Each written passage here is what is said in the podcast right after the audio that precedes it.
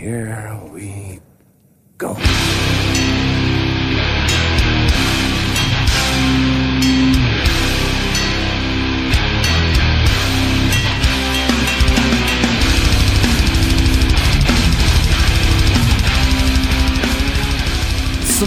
Avsnitt 96 av Nere på Noll podcast. Eh, Jag, Robin Lindblad, sitter här med Danne Nätterdal, Tja. David Olsson Hej, hej. och eh, ärade gäster i studion, Lois Creature, Tobbe Mattsson och eh, Fille Filossian. Tjena, tjena. Välkomna till podden får vi säga. Eh, och välkomna tillbaka till er eh, andra också fan. Nu är det Eh, jag som ska vara den. Måste inte ni också prata i micken? ja, jo, men den Du där på är, oss men inte på dem. ja men den där är ju lite mer, alltså, vi vet ju hur det brukar vara med Dannes, Dannes röst liksom. Mumla och sitta långt ifrån micken funkar inte. Nej, exakt. Men fan, vi, vi är väl tillbaks efter något av ett eh, sjukdomsuppehåll här i alla fall. Något, det var väl ett sjukdom? Ja, alltså jag har aldrig mått så illa som jag har gjort nu, så jag får fan ange det som anledning till att vi Du fick... ser fan lite tärd ut. Ja, men alltså du vet, jag har inte varit så här sjuk på, ja kanske, jag ska, jag ska inte skoja om det jag säger tio år alltså. Eh, jag kommer säkert hosta en del i det här avsnittet som då ska behandla polsk hardcore i, i huvudämnet. Passar ju perfekt att hosta. Man får lite miljökänsla. Exakt, det är klassisk eh, cigarrökhosta. Men innan det, ska vi börja med att snacka om eh, albumaktuella Lowest Creature kanske? Mäktigt som fan. Ja, berätta nu, vad fan har ni på gång? Ni har kokat ihop en platta? Eh, ja, vi har spelat in en fullängdare förra året. Eh, som kommer heta Sacrilegious Pain. Och den ska släppas på Isolation Records i år. Tidigt maj tror jag den kommer. Tidigt maj. Ja. Ingen pre-order upp än eller? Ingen pre-order uppe än, ingen låt släppt än. Så att det är fortfarande lite pill och sånt att fixa. Vi håller på att vänta på inlay design och... Men vad, vad var tanken nu? Det är ju svårt format, fullängdare. Ber, berätta, vad, hur, har ni gett er på den här uppgiften? Skrivit jävligt mycket bra låtar. skrivit många låtar, överanalyserat som fan, tjafsat om låtar och kommit fram till låtar som blivit riktigt nice. Vi började väl skriva, jag har ju bott utomlands då, vi började väl skriva på hösten 17 egentligen. Och sen flyttade jag i december och sen har de andra killarna bara skrivit på och skickat till mig och så jag har lyssnat och skickat tillbaka. Jag har varit glad på vissa och inte på andra och sen, ja men nu har vi kommit upp med tio låtar som vi känner oss nöjda med liksom. Hur, hur, hur Mm. går det till när ni tjafsar om låtar? Är det någon som har final say? Eh, nej, det är det väl inte. Utan vi kommer väl överens tillsammans, oftast i alla fall. Och sen, alltså ibland, det är nog första gången nu som vi har fått rustat typ. Och så här har majority rules på vissa grejer. Men jag tror i slutändan när vi har spelat in allting så har alla känt sig nöjda i alla fall. Vart har ni spelat in då? Vi spelar in hos Eken i Umeå på ljudkross. Just det, Eken känd från Lessra va, eller? Yes. Misanthropic. Ja just det, där med. Aktuell i Misanthropic i alla fall. Just det, just det. Eh, ja men fett, det är ju en eh, välrenommerad hardcore-studio, minst sagt. Ja, han har väl två ställen han spelar in på. Vi var i något ställe som någon polare till han hade. Som var riktigt sjukt. Så typ uppspikade trästockar på väggarna. Ja, det ser såhär människokroppar. ja, det är ju sjukt ambitiöst att åka upp till, till Umeå. Ja, Kan du inte bara hyra in honom? Det blir billigare. Ja var det The Arks trummor? Jaha. Vad sa du? The Arks trummor. Okej. ja, det blir lite sån Glamrock. glamtrumma. Ja. Jajamän. Nej men fan vad fett. Eh, jag minns att när vi snackade om att det var en, en fullängdare på gång så sa ju, jag tror vi sa det unisont här, att är det några som kan fixa det här formatet i svensk hardcore idag så är det ju Lowest Creature. Alltså, ehm, men vi, vi, bara idag så såg vi också att ni annonserar ett Göteborgs-gig. Ni har lite turnéplaner under våren och sommaren också. Vi släppte väl, eller ja, idag, vi fick annonserat Göteborgsgig idag och förra veckan släppte vi också, vi ska spela på North Goat Festival i, jag kommer inte ihåg vad staden heter, typ Dordrecht eller någonting. Jag vet fan. Skumt. Vi spelade där en gång för två år sedan också och det var riktigt nice. Ja, Känner jag inte till. Vad är, det, Nej. vad är det för typ av fest? Alltså det är en endagsfestival. Kapacitet? Metal eller hardcore? Eller blandat? Alltså framförallt hardcore är det väl. Eh, kapacitet, jag vet inte, det var ett skitstort aktivitetshus typ. Alltså tegelbruket fast på fem våningar ish, om man vet vad tegelbruket är. Okej. Men, eh, och, alltså det var, Och så hade de, de hade en stor lokal. Så det är fem olika replokaler man får spela i? Nej, det var en stor konsertlokal och en mindre konsertlokal i källaren. Och så fick man åka hiss emellan typ. Och i mitten var det någon bar och... Det ser ju som någon fin restaurang typ. Ja, i mitten. Alltså det var jättemycket grejer inne. Typ bollhall och skit också. Fan vad fett. Bollhav. träningsrum efteråt om man ville. Fan vad fett. Ja, såhär bollhav, en bollhall. menar Jaha, vad fan, bollhav pepp på det. Om det hade varit så. Ja, när vi spelade sist var väl typ stora headlinen då var väl såhär, ja det var i Holland så No Turning Back hade någon såhär 20 års spelning typ. Och så var det typ Crewland och grejer. I år är det väl, jag vet inte hur man uttalar det, här Male Volens eller någonting som toppar med Brutality Will Prevail. Just det, Renounced, Iceberg, Guilt Trip och Lowest. Mm. Och så lite lokala heroes där också. Ja, Lifesick från Danmark också som Just det, också släpper på Isolation. fett. Vad är Isolation för bolag då? Jag har dålig koll. Isolation är ett bolag, de var, alltså det är ett bolag som är skapat av samma snubbar som var på Evil Greed. Ehm, och de brukade släppa skivor via Evil Greed förut. Ehm, Okej. men En underetikett typ? Ja Eller exakt, en men de, de ville alltså fokusera helt på Evil Greed som en alltså webbshop eller liksom distro typ. Och köra en, ett bolag istället och då döpte de om bolagsdelen till Isolation. All right. Men det är i princip samma snubbe som styr som heter Pascal. Yes. Fett! Ja men eh, fan vad kul. Eh, roliga grejer att se fram emot Ja. inför våren här. Ja, det kommer nog bli nice. Tio låtar, eller nio, nio låtar, låtar och en eh, instrumental faktiskt. Så. Coolt. Men vi kan väl få höra en liten snutt? Ja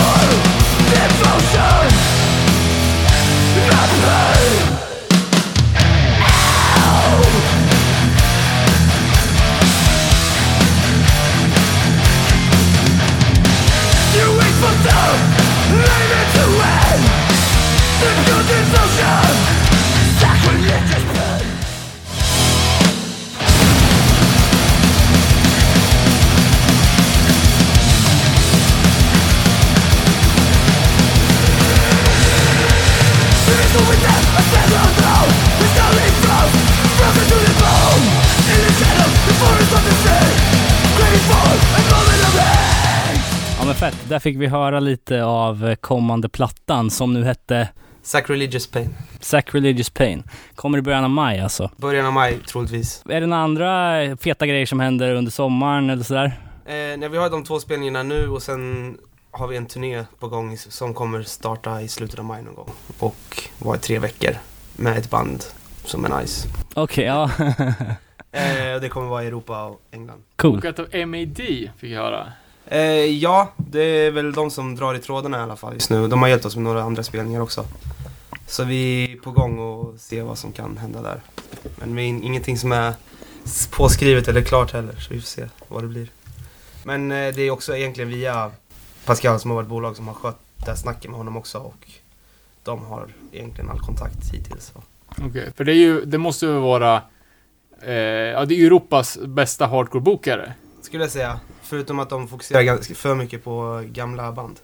Ja okej, de De kör mycket sådana och här för mycket på. Tyskland. Det är det som är nice med han Tim som, försöker, som hjälper oss nu. då, Han, han vill få in mer ungt blod så att säga Jag på förstår. turnéerna.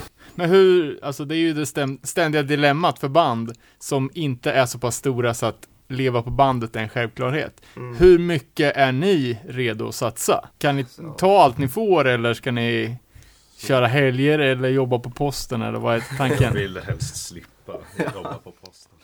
Men du får inte säga upp dig nu, eller vad var det? Ja, något. Nej, alltså målet är väl att vi ska kunna köra så mycket som möjligt. Sen måste, alltså, alla har väl hyror att betala och sådär. Vi måste ju vara realistiska liksom. Men Men ni kommer ha lägenheter och sånt? ja, det hoppas jag. Morsan är inte glad när jag kommer hem igen. Men alltså jag vet inte, vi kör väl på så mycket det går så får vi se hur det funkar. Vi har, alltså, ja, vi har den här turnén planerad nu och så är det lite annat på gång i höst redan också. Men det är ännu mer oklart liksom. Men så fort vi kan köra och det finns möjlighet så tackar vi inte nej liksom. Jag tänker, hur, hur ser det ut med andra band, så här, folk som ni möter på vägarna och så vidare, som, kan, som kör hela tiden? Jag tänker i, i den storleken, man, man kanske jobbar på sin första, sitt första album och har släppt några sjuor. Vet ni, några som, som kan kuska runt nonstop? Alltså jag vet inte, typ, alltså det är ju bara så större band vi har spelat med egentligen. Jag vet inte, alltså de som, alltså några som börjar turnera typ, alltså vi körde en del spelningar, eller våra turnéer korsades ihop ganska mycket i början var ju typ High Power. De lär väl köra mycket nu liksom. Jag antar att de inte, alltså de har ju fått någon sjuk deal skulle jag tro. För de Ja. spelar ju fan överallt. Men annars, jag vet inte, alltså de flesta banden vi har träffat på eller stött på, liksom, de har ju kneg och så på hemmafronten också. Många som pluggar också tror jag. Tror det är kanske lättare. Man kör med distans. Sig. Fan, jag, jag fastnade i vad du sa där. Jag undrar, är det någon annan musikgenre där man frågar artisterna, har ni lägenheter och sånt? jag tycker det fan är kul alltså. För det är ju så, alltså vad fan, det är ju ingen i Catharsis som har lägenhet liksom. Nej, men de har ju, det är ju ett politiskt... Ja, exakt men, men Nej men... ja, High Power kanske, de har inga fan lägenheter. De hade ju, när, vi var, när jag var och körde med Existence så hade de ju något kollektivt hus typ. Ja, okej. Så de bodde ihop så. Jag vet inte. Men det är ingen som har lägenhet i England heller, för de har inte råd. Nej, det är för dyrt. Ja. Sant. Det är väl samma i Tyskland också, alla bor i kollektiv liksom. Mm. Om du inte har något sjukt. Men jag vet inte, alltså det är, man, alltså vill man köra så måste man ju köra. Eller så här, de flesta banden som kommer någonstans har väl turnerat mycket liksom. Och det är ofta som typ, man inte tänker på det heller. Alltså, typ så här, de som är stora nu, så de tre stora hardcore-banden, liksom Turnstyle, Power Trip, Code Orange, de har ju liksom spelat i typ tio år. Ja. Det Ja, är ingenting man tänker på. Det känns som att de började spela för fyra år sedan. Liksom. precis. Och de har ju kört egentligen konstant, jag tro. Så det, jag vet inte, det är, man, får kna, man får ju knepa och knåpa liksom och Ja, ihop det på något Nej, men jag, jag tror att det, det finns liksom ett, ett glapp där, att det finns, det finns inte så många som, som är villiga att ta det klivet. Och uh, om man väl kan göra det, så finns det sådana jävla möjligheter tror jag. Mm. För det är inte alla som klarar av att ge sig ut liksom, Nej, jag tror och harva kom- på vägarna. kombinera mycket också. Jag vet inte, alltså man får väl typ sälja grejer och Skaffa grejer, sälja grejer. dunkla saker på vägen. Häleri. Men, eh, ja, hittills har vi kört typ två, alltså det året vi turnerade mest hade vi väl två större turnéer och någon weekender typ. Och då funkar det ju liksom. Det är ju, har man semesterdagar till vanligtvis. Men Jag har 50 semesterdagar. Vad fan. jag är jävligt redo. Du vill sluta? Har en aning om hur bra du har det. Nej men vi kör väl på så mycket det går och sen får vi se hur det slutar liksom. Kanske skuldsatta börjar höra den istället om två år. Har vi haft kul i alla fall, hoppas jag. Fan vad fett. Något att se tillbaks på. Ja,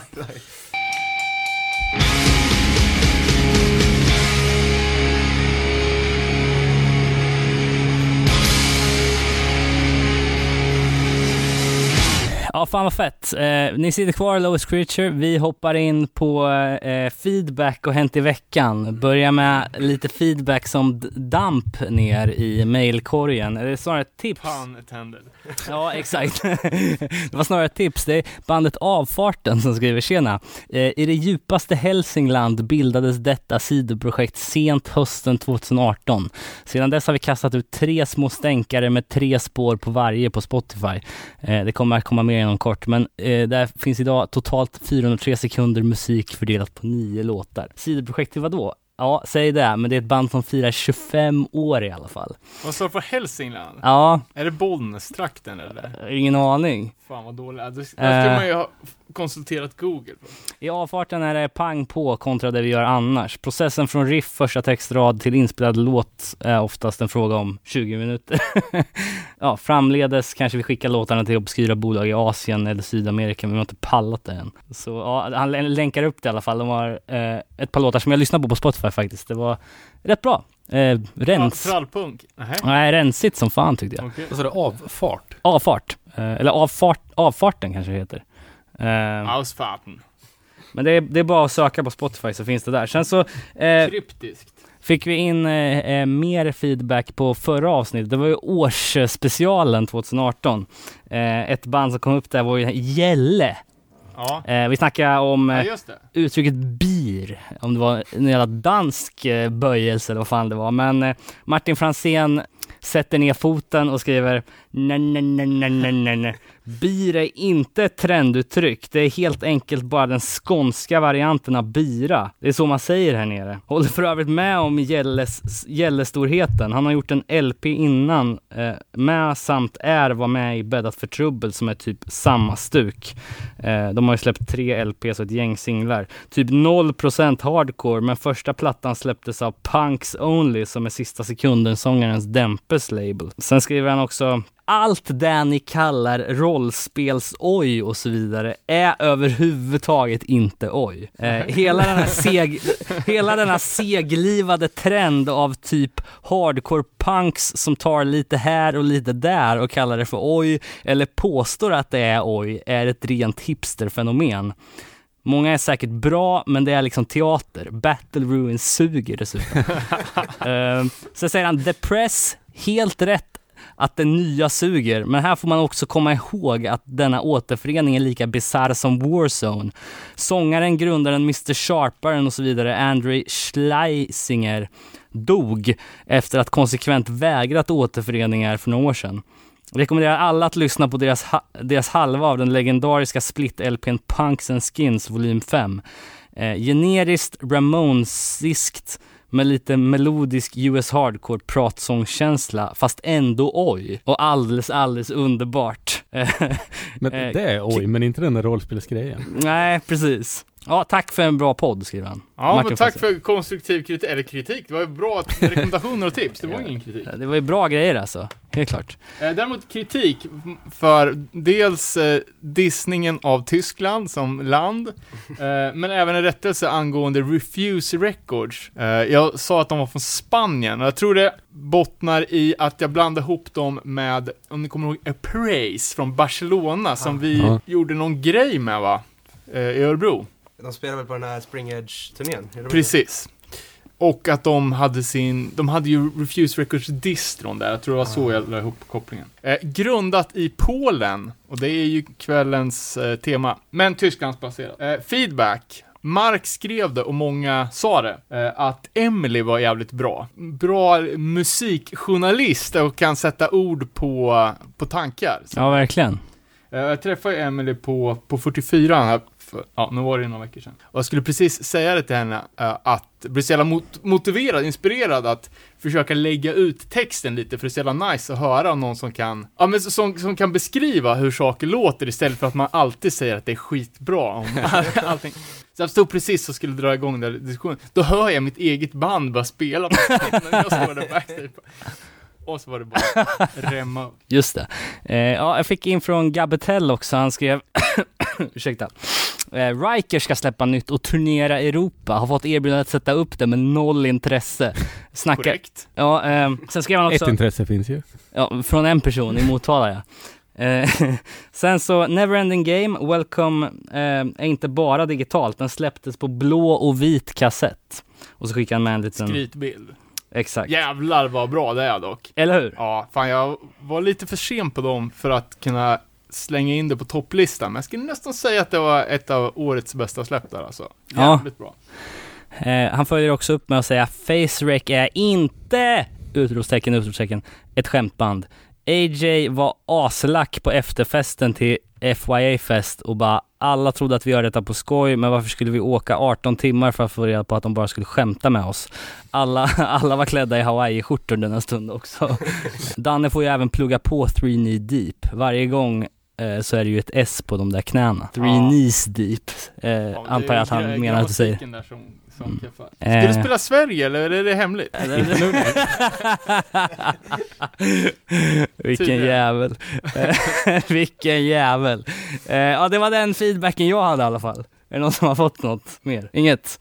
Inget om Kiruna och Trailer Lies? Nej. Nej.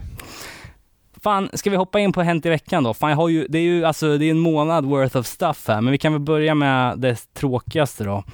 Eh, att ännu en hardcore-legend har gått ur tiden. Det är ju då Alex Brown från Gorilla Biscuits som har gått bort. Han var 52 år gammal. Jag vet inte om, eh, om det kom fram varför, eh, eller vad orsaken var till hans bortgång, men Åh, nu... Jo, Jag vill eh, inte skriva upp det, men det var ju något... någon stroke typ va?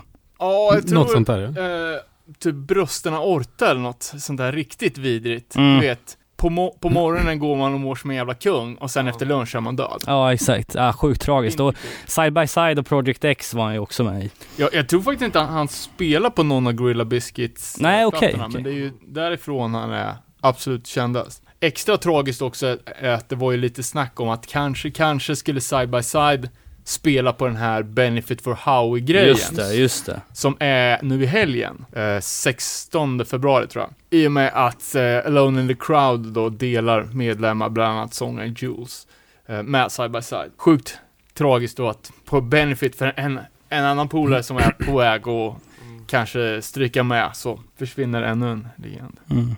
Sen var det många som, som hyllade eh, Alex i, i sociala medier med olika collage grejer som han har gjort och så här. Och han har ju, gjorde jävligt mycket artworks också, som jag inte visste om. Men han verkar ju ha varit någon up and coming konstnär också typ ju. Uh, Okej, ja, det vet jag inget om. Nu för tiden tror jag. Ja. Nej, för han har gjort många, ja, de klassiska Revelation-omslagen och han hade ju fanzine tillsammans med Porcell, eh, Schism-fanzinet. Och så, Project X under namnet Kid Hard va?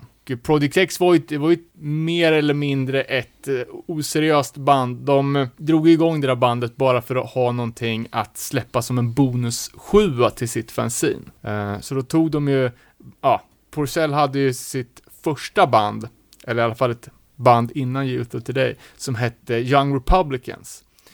Och där hade de ju en låt som hette Sabotage Your Cookout.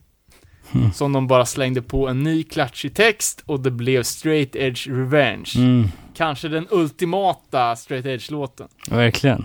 Eh, och de gjorde väl, vad jag vet, bara ett enda gig och spelade in fem låtar och ändå är ett Ja, av de mest det. klassiska hardcore-banden. Ja, sjukt tragiskt. Vi har ju även en, en till punklegend som har gått bort och det är Lorna Doom eh, från Germs. Ja, just ja. Som, det var ju, ja, det var ju nästan en månad sedan. Ålder 61 år, basist i det legendariska bandet som, som eh, fanns original från 77 till 80 tror jag. Det brukar ju beskrivas som ett av de, ja, kan, kan vara det första punkbandet i LA.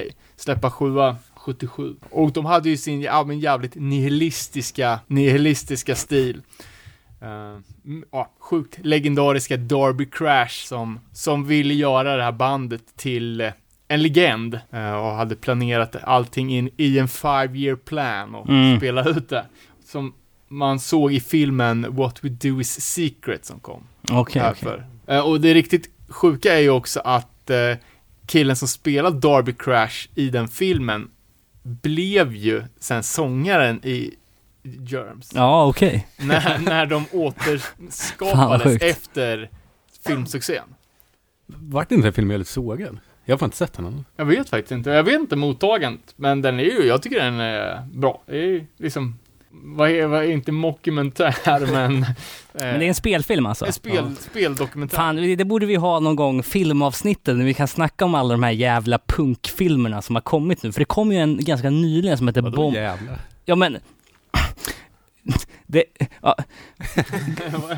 det finns ju, det kom en typ för några veckor sedan som heter Bomb City, som är en punkrulle alltså. Jag tror jag länkar Ja, trailern men till. en spelfilm. Ja, exakt. Och innan det så har det kommit den här Green Room som jag har snackat om. Det här punkbandet som spelar nazi-punk fuck-offs på ett jävla nazi-squat och blir inlåsta backstage och blir typ mördade. Och sen kommer ju den här black metal teen movie. Ja, exakt. Vi får ju fan, det får vi, det får vi lägga i, i, i backloggen att Ja. göra. Så En helt sinnessjuk. En grej som man måste claima här nu som, eh, innan vi glömmer bort det, som jag håller på att glömma bort, är att vi ska göra musikvideospecial Ja, ja, med Erik Olsson och Kalle Haglund. ja. Nice. Eh, nu har vi sagt det, så nu finns det på pränt. Coolt. Eh, De har ju regisserat varandras musikvideos för Millencolin och Voice, ja, det kan bli en liten beef där. fett. Eh, vi kan eh, ta något annat då, lite roligare. Crime Think eh, har vi snackat om. Eh, och det kom in här nu precis från Andreas Lind här på, på Instagram till Att de har oss. lagt ner. att de har skannat in de sista fem issuerna digitalt. Eh, så att de finns att läsa på, Jaha, På nu tänkte jag på Crime Watch. ja, nej, eh, de, Jaha, Crime Think, alltså, vad är fan, vad har det varit scene? Alltså? De som gör de här böckerna. ja exakt. Alltså de, de sista eh, fem scenesen, eh, 97 till 2003, eh, har de skannat in då, och, så man kan eh, läsa digitalt, äntligen. Det har tydligen varit en stor re- request eh, Okej. från folk. Och eh, något som kanske inte har varit en stor request, men som ändå har hänt. Vi har ju snackat, eh, vi har ju haft ett Black Flag-avsnitt eh, och Greg Gin har vi ju nämnt där nu. Nu är det då alltså dags igen här. Greg Gins variant av, eller du säger man Gin? Eller, Ja. ja, hans variant av Black Flag ska spela sin första spelning på över fyra år på någon så här em, kalifornisk punkfest eh, den 7 april. Lite, em, lite oklar line-up där. Det är eh, Gin och sen sången Mike Vallely, Vallely. Eh, och sen två unnamed musicians. Ja, herregud. Ja. Det börjar låta lite som Depressed då, att det är någon jävla spån till band. Lite nytt från Sverige som jag diggar stenhårt. Constant Abuse. Eller hur? Västerås Hate Edge har jag kallat det för, men, men det är väl... Varken Edge eller... Nej, exakt. Det är från Västerås. ja, nej men eh, det är ju eh, Mange från Angus Curse på, på sången, eh, Niva som lirar trummor i Bitface Life eh, och lite andra eh, lokala hjältar därifrån. Men det är ju svinfett, jag gillar. De släppte två spårs eh, eh, på Bandcamp. Ja, jag tyckte också det lät svinbra. Bästa från Västerås på bra länge. Mm. Tycker det kokar, fan det är mycket band därifrån. Constant Abuse alltså. Sen satt jag och tryckte på F5 på, på, på en sajt, alltså refresh, du Ja, vet. Eh, klockan var, eh, biljetterna skulle släppas klockan 10. Typ så här eh, 09.55 tänkte jag, ah, jag hinner gå på toa.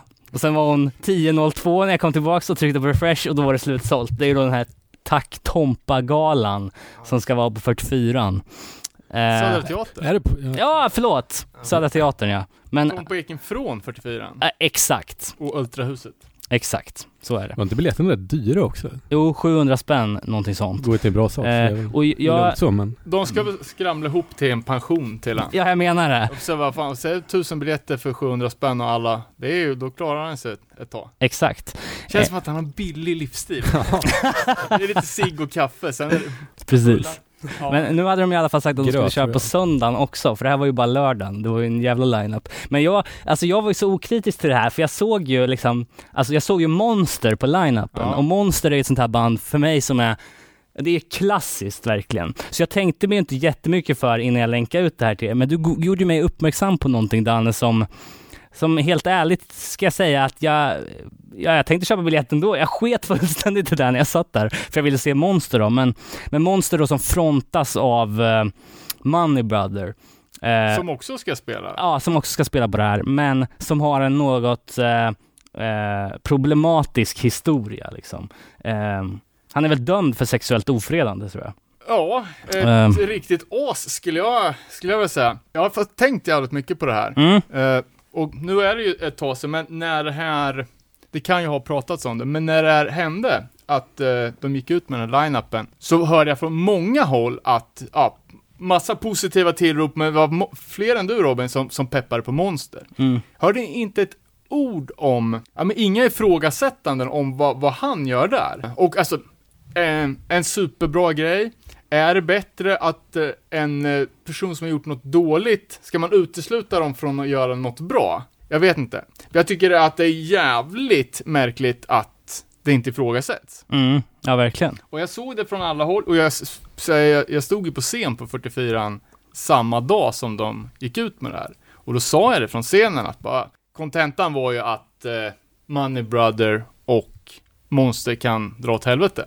Eh, men folk stod ju som fågelholkar. Det kändes som att ingen varken hade hört om det här eller hade tyckt att det var sketchet att de skulle lira. Nej, jag precis. tror ju dock att han har pratat jävligt mycket om det där. För han var Ja. med i, Så mycket bättre. exakt. Och då var det någon grej om det, typ. Mm. Nej, för nu, nu, blir, nu blir det lite personuthängning och det är absolut inte meningen. Men, eh, Dadde Stark, som ni säkert alla vet vem det är. Eh, yngre snubbe som spelar med, spelar med, med Asta Kask och han har säkert lirat med KSMB och M3 och med.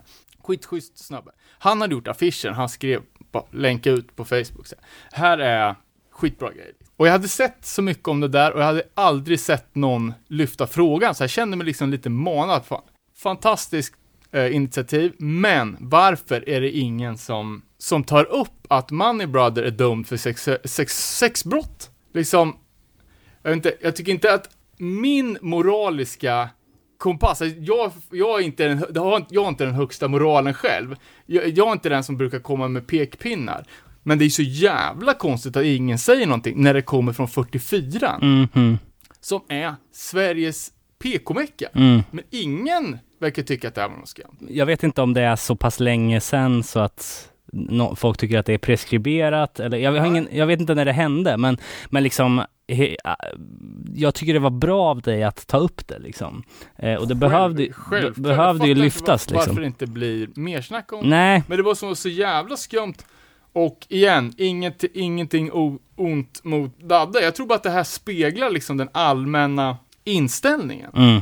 Och- För, för, då, för han skrev till mig som svar på det här bara, eh, ja, eh, jag har ju en personlig åsikt, jag har bara gjort flyern för att hjälpa till, men eh, Money Brother, han har gått ut och sagt att han ångrar sig, Mm. och att han har gått i terapi.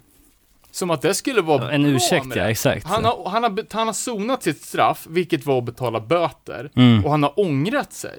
Är det, är det okej då? Mm. Tycker folk att, att man är en, en schysst kille? Ja, nej. Bara, ah, han har ångrat sig, han har bett, han har bett en drabbad om ursäkt. Bara, oh, fast om man, om man går runt och ofredar folk på krogen för att man är någon typ av rockstar, då har ju inte det här hänt en gång. Det är ju någonting som har hänt Exakt. varenda, varenda kväll på varenda jävla stadshotell i hela Sverige. Exakt, det exakt. ett mönster. Exakt.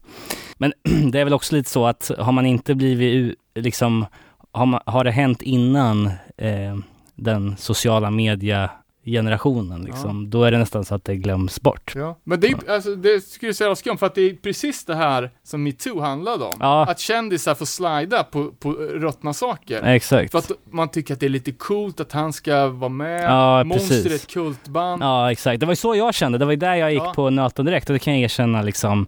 Eh, jag reflekterar typ inte över att det var, eh, vad heter han, Martin Westin, han heter någonting sånt va? Eh, ja, Money Brothers som sjunger i det där bandet. Utan det är mer bara, ja men Monster liksom, Anders ja. Eh, Monster är ju liksom klassiskt Burning Heart-band liksom. Det är klart man vill se dem. Ja. Men sen så var det inte först, eh, först du sa det som man bara, ja just det. Nej men sen så kanske man själv, man är, man, man kanske, jag skiter fullständigt i Money Brother och Monster. Men hade det varit, ja men säg att Blood for Blood hade stått på, på dagordningen, då kanske jag hade stått där och Ja, Jag tycker att det är viktigt att det kommer på topp. ja verkligen, verkligen. Sen är det ju, vad fan, det är ju svåra frågor. Ja, Sketcher som fan, tycker Ja, alla. verkligen, verkligen. Eh, vidare då, vi har en reunion på gång här. Eh, det är medlemmar från band som Culture, Shy Hulud, Morning Again. Eh, det är alltså då As Friends Rust Aha. som ska eh, börja lira igen. Eh, och eh, de har, de har en spelning annonserad. Jag vet inte om de har tänkt sig att de ska släppa en ny skiva också. Jag tror att de, de har planerat eh, en, skiva. Det är i alla fall vad det står på No Echo, det jag har snott därifrån. Ja. Är det någon som har lyssnat på dem eller? Nej. Det kä- alltså, Jag, jag, lyssnar, jag lyssnar på One. Eh, det är den enda plattan som jag har lyssnat på. Det är från 2001, men de har ju släppt sjukt mycket. De släppte sin första demo 96 och de hann ändå med att släppa liksom 1, 2, 3, 4, 5, 6, 7, 8, 9, 10, 11, 12 releaser. ja, för, för de släppte ju några CD, så diskonto-split och grejer på Ja. Good Life. Men det känns jag, jag har aldrig riktigt fått något grepp på det bandet, men det känns ju som att summan av medlemmarna blir ändå mindre än vad de är var för sig. Det, är Culture, vad var det mer? Morning Again, Childhood. Childhood. Det är typ så 1 plus 1 plus 1 plus 1 blir 2. Mm. Alltså det som gör att, eh, det som är lite Men kul. många dyrkar dem. Jag vet att de är stora som fan i Europa. Ja, och jag tror att de var ju lite om det up and up samtidigt som eh, liksom Stretch Armstrong och eh, liksom, det är ju den här melodiska hardcore Ja. Jag skulle säga liksom. ett 100% headliner fluffband. Och de är ju också från Gainesville som ett annat jävligt bra band. His Heroes. Nej, Less than Jake för fan.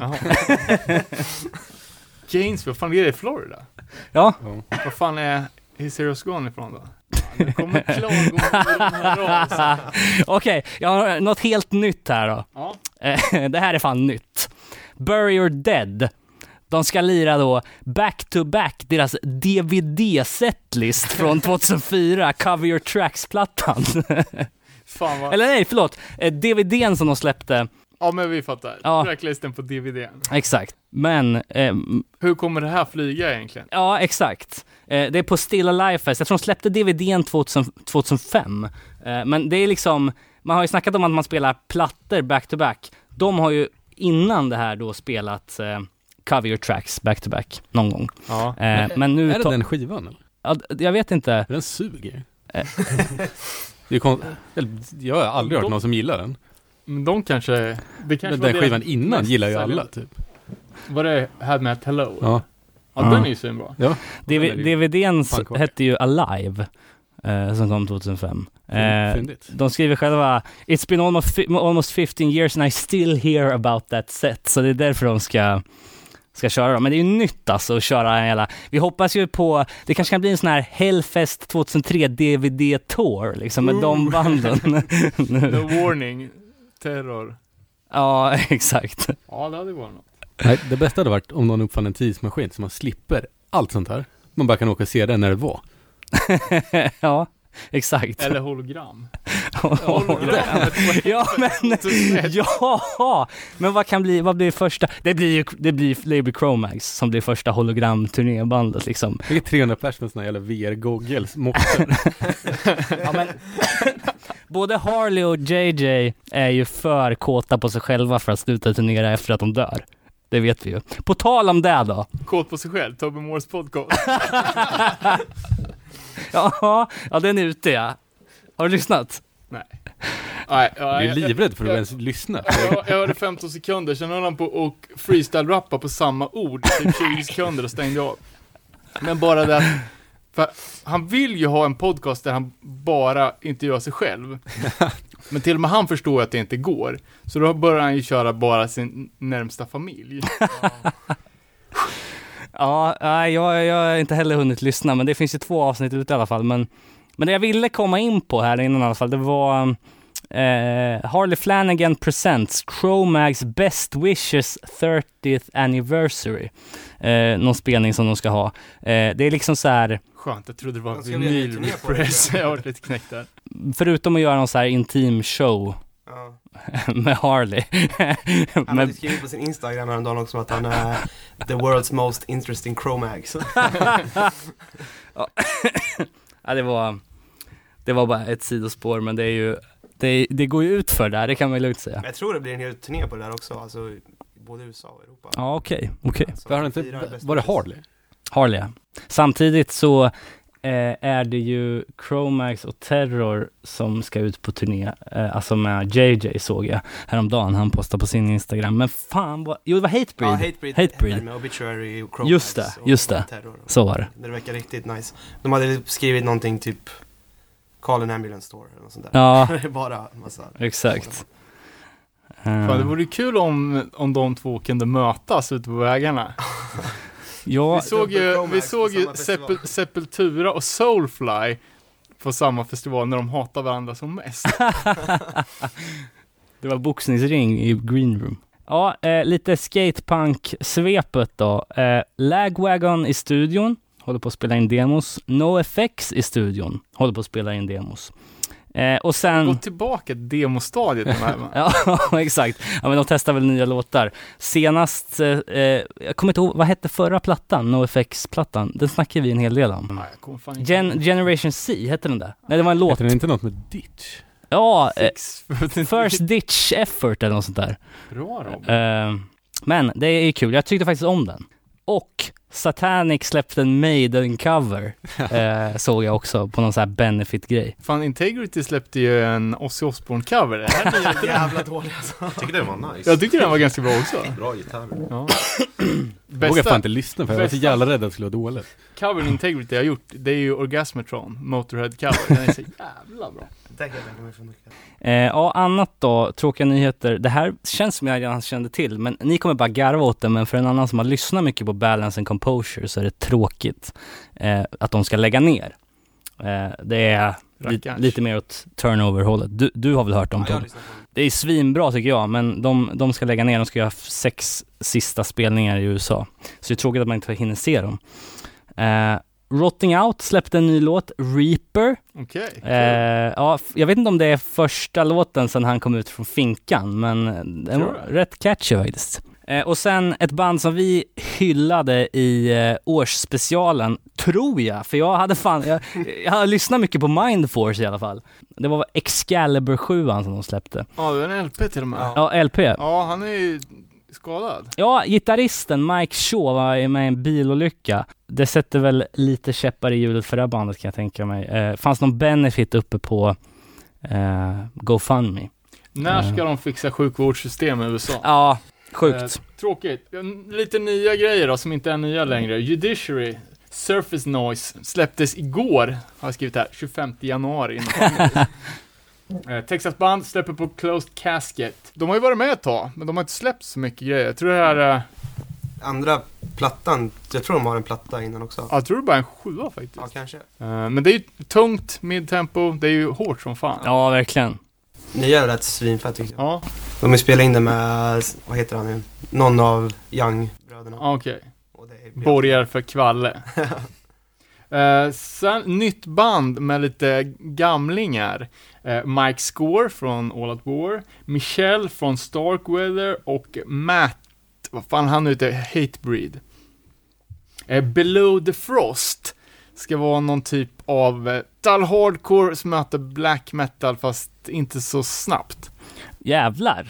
Ja, det är, alltså, här har vi också summan, summan är mindre än summan, för jag tyckte inte alls det var så bra. Nej, okej. Sången är sjukt, alltså ni vet ju hur Mike Score sjunger, ganska ansträngt. Sången var så jävla högt mixad och eh, ännu mer ansträngd än, än vad det är när han sjunger i All War. Mhm. Tyckte det förtog lite. Tru- tyvärr. Sen är Rated X, engelskt band som släppte demo här. Ni ser ut som frågetecken. Ja, inte här. Ja, det Eh, var ju överallt, typ för två veckor sedan. Åh, f- Bara, ja, så här Kevin Crowley-skrift, Rated X på en vit kassett. Okej.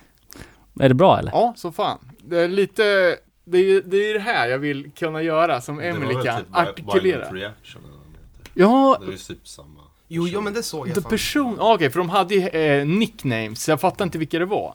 Men det var ju lite Violent Reaction-tänket. Fast li, lite mer grottman, liksom. Okej.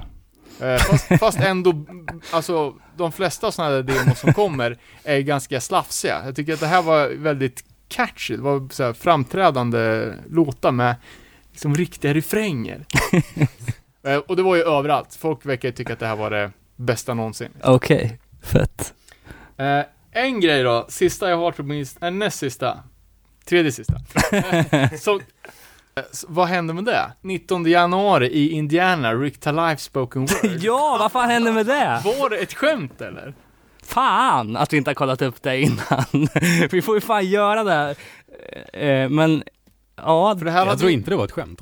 Var det en grej att han skulle ha en spoken word? Ja, om mental illness and being on the streets och massa sådär. Det var till och med en poster som var rätt Alltså det, det borgar ju för, det borgar ju för att vi skulle haft en Kickstarter och skickat iväg de där, eh, eh, vad heter de? Eh, Oss själva? Ja, eller de där som filmar allt. Jaha, R- the rest of us. Ja, exakt. Jag såg någon lista med ämnen han skulle prata om. Ja, det var enorm Ja. lista också. Det, det, det var, intressant också. Det lät Ja. bara som det var så skvallerämnen typ. ja, sjukt. Varför var det sämst? Varför? Ja, exakt. Men inte ett ord om hans nya band eller? Nej, det var det Men det var ju såhär, Han har börjat ta att det medicinen var barbecue och grejer, det var då det började, började kännas som att det kanske inte var sant i alla fall. Ja, så kan man se den videon när han kör någon spelning med bara gubbar så här, någon barbecue också. Så. Ja, ja exakt, han har ju det. Ny grej. Ja, Men vad fan var det, han sjöng ju det, eh, typ Liberating America, nej, One Backyard at a time. Och då var ju referens till hans Backyard Barbecue. Ja, jag kommer inte ihåg. Är det, är det Dick About Rick-bandet? Ja. Ja, okej. Eh, sen såg jag bara flasha förbi två olika tillfällen. Um, Sex Pistols första sjuan såldes för 15 800 dollar. Eh, en av de dyraste punksinglarna sålda på länge. Sen, två veckor senare såg jag att Trash Palace hade köpt en. Jaha. Så jag vet inte om det var samma eller om de börjar florera nu. Eh, sen bara en liten note som jag inte följde upp, men någon tipsade om Leopard tror jag det heter. Jaha. Eh, fick för mig att det var ett Umeå-band, nytt, som har släppt eh, Stupid Leper Songs. Jag kommer ihåg att det var jävligt bra, men sen så sökte jag inte vidare på det. Nej, okej. Eh, men jag eh, lägger det som en honorable mention i alla fall, för jag kommer ihåg att det var bra. Ja, det är lite gigs också som det är värt att köpa biljett till. Inte minst Örebro Punkfest i typ september, oktober där någon gång. Eh, för jag... Ja, det börjar ju brinna nu. Ja men alltså ärligt talat, det kommer sälja slut. Jag köpte faktiskt min nu vid löningen. Jag vet ju fan hur det var sist. Jag Inga fick gå själv. kommit? Va? De har inte sagt några band va? Boys. Voice! Voice för fan. Eh, och sen även eh, Bold och eh, Prison Right i Örebro. Hardcore-festen. Ja, och sen, Där ä- kommer vi spela också. eh, och sen även eh, såg jag ju att eh, Prison Right och Asta Kask ska spela i Örebro. Det är Salma. Ja, ah, förlåt. Det är Salma var det. Eh, Du vet, vi, vi, vi sprider hardcore reality till trallpunkpubliken. Ja. Det var en nya grej. Finns det lista? Typ, på Frimis? Jag vet inte. Eh, ja, det var kul i alla fall, för jag ska ju på den här, jag ska ju på Stockholm Slaughterfest dagen efter. Eh, och det är ju en fet grej som har hänt. Ehm, Scandinavian Death Fest ska ju vara, eh, och Dismember ska ju göra reunion och spela då. Fett som fan. De ska Har de spela... inte gjort det förut eller? Nej, Nej. de ska spela, original-line-upen ska spela både lördagen och söndagen tror jag. Ja, jag tror Eh. också så var det några, men det var några andra förband på söndagen. För det var inte kopplat, alltså det var Nej. extra spelning för att det sålde ut så jävla snabbt. Precis. Så det är fett. Och att den här jävla slaughterfesten som jag ska på då, eh, Behäxen som är så här finsk black metal deluxe alltså, blev precis annonserade. Och det är så här drömband för mig, så det ska bli kul att se. Jag tror det finns biljetter kvar till det också om någon diggar finsk black metal. Ja men det är väl typ där fan. Ska vi, eh, ska vi dansa in i Polen? Fira julen i Polen.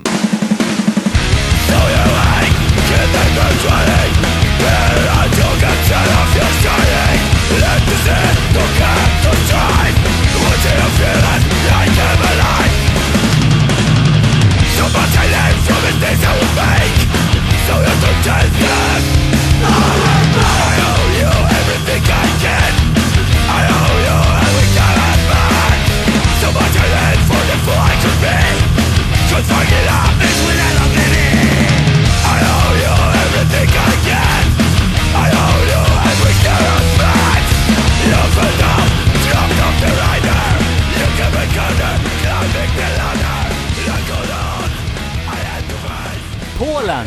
Polen ska vi snacka om idag. Polsk hardcore. någon som frågade om vi var Polenlandet eller om det var Pollen. ja men vad fan, det var ju någon som sa här, inga namn nämnda, jag visste knappt vart det låg innan, men jag kan fan stämma in på det här, för att fan, när jag var där första gången, då bara så här, ja men det bor väl typ, det är väl som, det är väl storleksmässigt är det ju stort, men jag tänkte så här, befolkningsmässigt, ja det är väl som Danmark typ. Nej, det är 40 miljoner bor ju i Polen. Ehm, Granne med Tyskland. Ja, exakt. Granne med många länder, men det är något av ett nav för hardcore i alla fall. Det är mycket bra hardcoreband från, från Polen, men, men vad har ni för personlig relation till, till Polen? Eh, ja, jag Har du varit var- där? Jag har bara varit där en gång, då var det ingen hardcore. Uh, käka ost till alla måltider. Det fanns inte vegetariskt, man fick äta Mm. bara ost. Eh, men jag lyssnade ganska mycket på polsk hardcore, speciellt på 90-talet. När Sverige inte hade så mycket gruff att erbjuda, då fick man lyssna på polsk boom hardcore. uh, och jävligt mycket polare som har spelat i Polen och alla har jävligt goda saker att säga om polsk, den polska scenen. Att det har varit sjukt peppigt och bra, alltid bra gigs. Ja, verkligen. Annars inte så mycket. Har ni varit där och lirat med Lowest? Eh, vi har inte spelat där med Lois, men jag var där med mitt gamla band, med din brorsa, Otiof. Suppress the Pain? Nej. Ja, exakt. Nej, vi spelade två spelningar där. En liten stad som jag inte kommer ihåg namnet på. Men det var så sjukt. Vi kom dit och så kom vi ganska tidigt och så parkerade vi bilen och försökte hitta någon restaurang med internet för det här var innan man kunde surfa gratis. Eh, och så hittade vi en restaurang med wifi, satte oss där och så insåg vi, fan vad lättklädda alla är som jobbar här liksom. Det är jävligt konstigt typ. Och så var det typ någon variant av, äh, någon polsk variant av Hooters eller vad fan det är.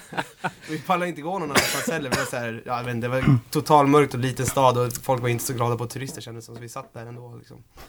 Eh, på spelningen sen var det var skitbra också men det var ett slagsmål. Någon skinhead som bara flög in i massa emo-folk typ för det var som emo-spelning typ. Och ja, han vart utkastad. Så spelade vi i Krakow på någon festival också som hette något, jag vet inte, det var också någon sorts emo-festival tror jag. Men det var också riktigt sjukt, vi hade med oss Emil från Neighborhood på stand-in på bas på den här spelningen. Ehm, och han, jag vet inte, han, det var nå- någon gång mitt i setet såg han och spela så kom det fram någon galen, det var vi ute med Oak på den här turnén. När han stod, stod och spelade mitt i setet så kommer det fram någon galning och börjar dra i basen typ på Emil så här. Och han börjar skratta lite först liksom, men han, han ger sig inte den här polacken utan han står och fortsätter liksom dra. Så Emil får liksom börja sparka mot honom i ansiktet för att han ska släppa. Men ändå ger han sig inte heller så jag tror det slutar med att Robin från Oak eh, fick springa och liksom dra bort Knivhugga den här Ja. Och aldrig sett honom så arg heller, men det var riktigt sjukt liksom. Avsluta även den spelningen med att raka en highway på Emil. Men äh, fick ni reda på varför han Nej. drog i basen? Nej, det var Allmän helt... peppgrejer, skulle han sno den? Nej, ingen aning. Det Stämmer var liksom, vi, jag tror inte vi såg han igen och det var, alltså det var ändå ganska mycket folk på den spelningen och väldigt lite engelska och jag vet inte, vi Jag tror vi skulle köra hem efter spelningen så vi packade väl ihop och drog typ Hoppades på att ingen skulle ta någonting igen. Ja, just det. Eh, ja, vad fan, jag har ju också varit i, i Polen och lirat och ehm, det är ju, alltså, när man, när man kollar på den polska hardcore-scenen liksom, så är det ju en sak som slår en, och det som slog mig när jag var där också, att det är ju hyfsat, alltså det är ju nästan 100% en antifascistisk hardcore-scen liksom. Eh, det är i alla fall den attityden som som går genom de flesta spelställena man, man är på. Liksom. Det är uttalat antifascistiskt och eh, eh, också... när, men- när var du där? För jag tänker, det har ju hänt lite saker i Polen här på sista tiden. Ja, verkligen. Ehm, jag var där 2011 och 2013. Eh, 2011 med Lust Life och 2013 med Bitter Life. Ehm, och spelade i eh, Poznan, Wroclaw eh, och eh, ett ställe som heter Bygdgårds. Klassiskt. Ehm, på någon så här Bezevania Hardcore Fest. Eh, det var i samband med att Last Days hade släppt någon, någon platta, kommer jag ihåg. Om det var Fatality EPn eller något sånt där. Eh, men eh, ja, det var det, var det som men en- slog mig i En alla fall. spelning i Sverige är också 100% antifascistisk. Ja, Men, men du menar, men, eftersom det finns fascister så blir det mer på riktigt? ja exakt. Alltså, eh, det, det, finns känns i Sverige att... också såklart, men Mm, inte på samma sätt. Nej, och, och mängden liksom huliganer och fascister och neonazis i, i liksom punksvängen är ju inte så jävla stor i Sverige jämfört med i Polen liksom. Eh, och det är ju ett sånt pass stort land så det finns ju eh, finns ju möjlighet för sådana element att frodas liksom. Det, eh, och sen har ju Polen har ju en lång historik av liksom, ja men de har ju varit ett eh, kommunistiskt styre i 45 år, eller kommunistisk folkrepublik i typ 45 år. Eh, och ja, det har varit liksom eh, uppehållstillstånd och det har varit liksom militärstyre och det har varit ja, fram och tillbaks ganska mycket. Så det, det är så här olika ideologier som har fått frodas som, som eh, slags mot, motpol till det styrande som har varit. Eh, men jag kommer ihåg att det var faktiskt uttalat så här, när, när vi spelade i alla fall, att eh, att det fanns nazister i närheten liksom, som eventuellt skulle kunna storma det här squat som vi lirar på liksom. Och, ehm, eh, och det, kän, det känns också som att så här, ja men jag, jag läste en artikel på, eh, just inför det här avsnittet om liksom den polska scenen och så här och att liksom de har ganska hård, de har liksom nolltolerans liksom eh, mot, mot fascism inom scenen liksom att ja, minsta lilla eh, antydan till att det ligger någon form av band på ett bolag som uppvisar tvivelaktig eh, ideologi så liksom går djungeltrumman rätt fort liksom. Eh, De håller rent helt enkelt. ja, att hålla hardcore nazist och fascistfritt eh, i Polen är liksom en av de största prioriter... Vad säger man? Prioriteringarna. Ja. Och också liksom att så här, kids är peppade. Eh, I alla fall då, det är säkert annorlunda nu. Och jag säger, jag säger inte det här för att låta, alltså det kan ju låta super, alltså om jag säger så här. Eh, när jag var där och spelade så kändes det inte som att det var så mycket eh, europeiska hardcoreband som valde att turnera den sidan om Europa. Nej. Ja, men så är jag också, liksom, från de banden man känner att Mm. folk är, är, svältfödda på, på band utifrån. Så är det väl fortfarande alltså överhuvudtaget i Östeuropa, att det är inte så många som tar sig dit liksom. Nej, för det, det är måste mycket... vara en timme från Berlin. Ja, men typ. Men eh, jag tror att det finns mycket fördomar mot, mot den sidan av Europa. Liksom. Det är samma sak när du kommer neråt Rumänien och Bulgarien och så här. Det är ju... Nej men alltså, ma- ma- man får kanske tumma på viss standard man har i jämförelse med om man skulle köra väst. Men å andra sidan, fan folk är peppade i öst alltså. Och inte minst i Polen. För där finns det en eh, lång punkscen, liksom, en hardcore-scen och en, också en do-it-yourself-attityd. Liksom. Eh, och det kommer vi gå igenom när vi pratar om alla polska band. Liksom, för Ja, ska vi försöka ta det från början? Jag, som sagt, jag, de polska banden som jag lyssnat på innan vi började tänka på Polen var ju samtliga från 90-talet och framåt. Eh, Men vi har fått tips och eh, även kollat upp lite gamla polska punkband som också är ganska både bra och eh, har en ganska intressant historia. Eh, speciellt då hur, hur det var att ha en punkscen bakom järnridån i den sovjetiska lydstaten eh, som Polen var under, ja, från efter andra världskriget och fram till typ 89-90 där. Precis. Eh, det tidigaste jag hittade var 1978 eh, när, eh, eh, när några kids bestämde sig för att starta ett band eh, som hette Brygada Kryzys. Eh, Ja, men- eh, precis. Jag läste en artikel om, om det där bandet. Det var ganska, ganska intressant. Eh, för, för övrigt så jag, jag konsulterade Discogs för att kolla på, på tidiga polska band. Det verkar ha funnits jävligt få Mm, band.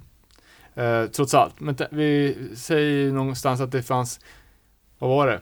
500 till 1000 svenska punkband 77. till ja, 82. precis. Men här var det inte så jäkla många. Och att själva den stora 77-vågen som var, eh, som var i England och som kom till Sverige något år senare verkar ha varit typ 83-84. Då Ja. var första vågen stor i Polen.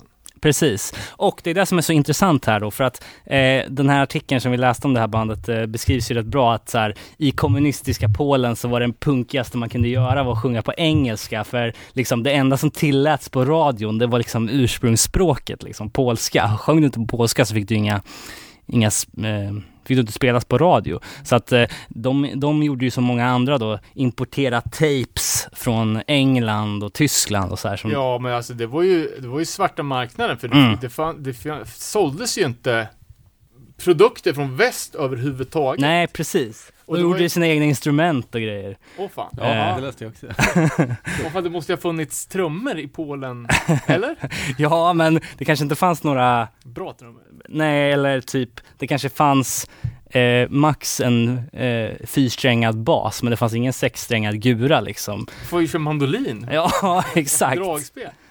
Eh, men, men det känns som att eh, eh, också här, just för det här bandet eh, som vi snackade om, eh, Brygada Kryzys, eh, som då är det tidigaste vi kunde hitta. Det kändes som att de lät sig inspireras då av Buzzcocks från England och eh, drog väl igång precis innan då det som jag antar la grunden för många musiker i, i Polen då, om du säger att den första vågen kom typ 84. Eh, för ett, en stor händelse som man kan spåra i polsk eh, historia eh, är ju när det var undantagstillstånd i Polen under två år. Det är alltså 30, 13 december 81 till 22 juli 83 så hade den här eh, kommunistregeringen eh, Polish People's Republic eh, hade instiftat då undantagstillstånd eh, för att liksom krossa eh, sina politiska motståndare. Och det in, undantagstillstånd, eller martial law som det heter på engelska, innebär ju att militären sätter upp checkpoints längs, längs vägarna liksom och kontrollerar och, och folk som är ute och du får, det är utegångsförbud och det är liksom rations på mat och så här. Eh, och det tas ohyggligt många politiska eh, fångar under, under den tiden. Eh, och det här var ju två år som det pågick och jag, jag kan tänka mig att så här, eh, just den här antifascistiska ådran i, i ungdomar och folk som är intresserade av kultur, liksom där jag har spirat rätt bra. Eh, och det, ty det ty tycker man, man kan se också i, eh, i eh, hopen av band som kommer efter där liksom. Det är Deserter, det är Sekira, det är liksom Post Regiment. Det är så här tidiga, eh, tidiga militärinfluerade punkband Ja. liksom. Eh, typ eh, Deserter då. Eh, Känns det som att det, vore, det är det största eh, po- polska old school punkbandet. Ja, och de är, de är ju grundade under ett annat namn. Eh, SS20. Har du googlat SS20? Nej. Det är ju en jävla bomb alltså, eller det är så här riktig jävla klot. Tänk dig en jävla ubåt på hjul. Typ så ser det Ja. ut. Ehm, För Brigada Crisis, de hade ju också problem med sitt namn, att det vart, att de mynde, eller de- de fick typ censurera det till Brigada K. Det, det skulle inte Låter negativt. låta negativt, som att det, det här finns det ingen kris. nej, nej, nej, okej. Brigada K får ni heta om ni ska vara, om ni ska skriva på, det, på en flyer. Ja, okej, okej. Men det är också intressant. Mörkande. Man undrar ju hur många olika liksom, falanger av det där, för det lär ju säkert ha kommit så här aktivistband och kommunistregimens räkning liksom, som bara så här, vi fortsätter sprida budskapet fast kommunismen är på nedgång liksom. Ja. Eh, men Deserter är ju, eh, eh, de har ju aldrig kompromissat med just det här som vi pratade om, att eh, sjunga på sitt modersmål. Eh, för de fick ju jävligt mycket, mycket radio-coverage i Polen ganska tidigt, som jag förstår det. Ja, jag, jag kollar på, på deras första sjua. Eh, den var ju såld i 35 000 ex. Mm. och vilket är enormt. Eh, de, dels så var, var ju vinylen ganska, alltså eh, Polen var ju ett, ett kassettland. Ja, ja, ja. Eh, och det var, hade ju mycket att göra med att det fanns så dålig tillgång på utländska grejer.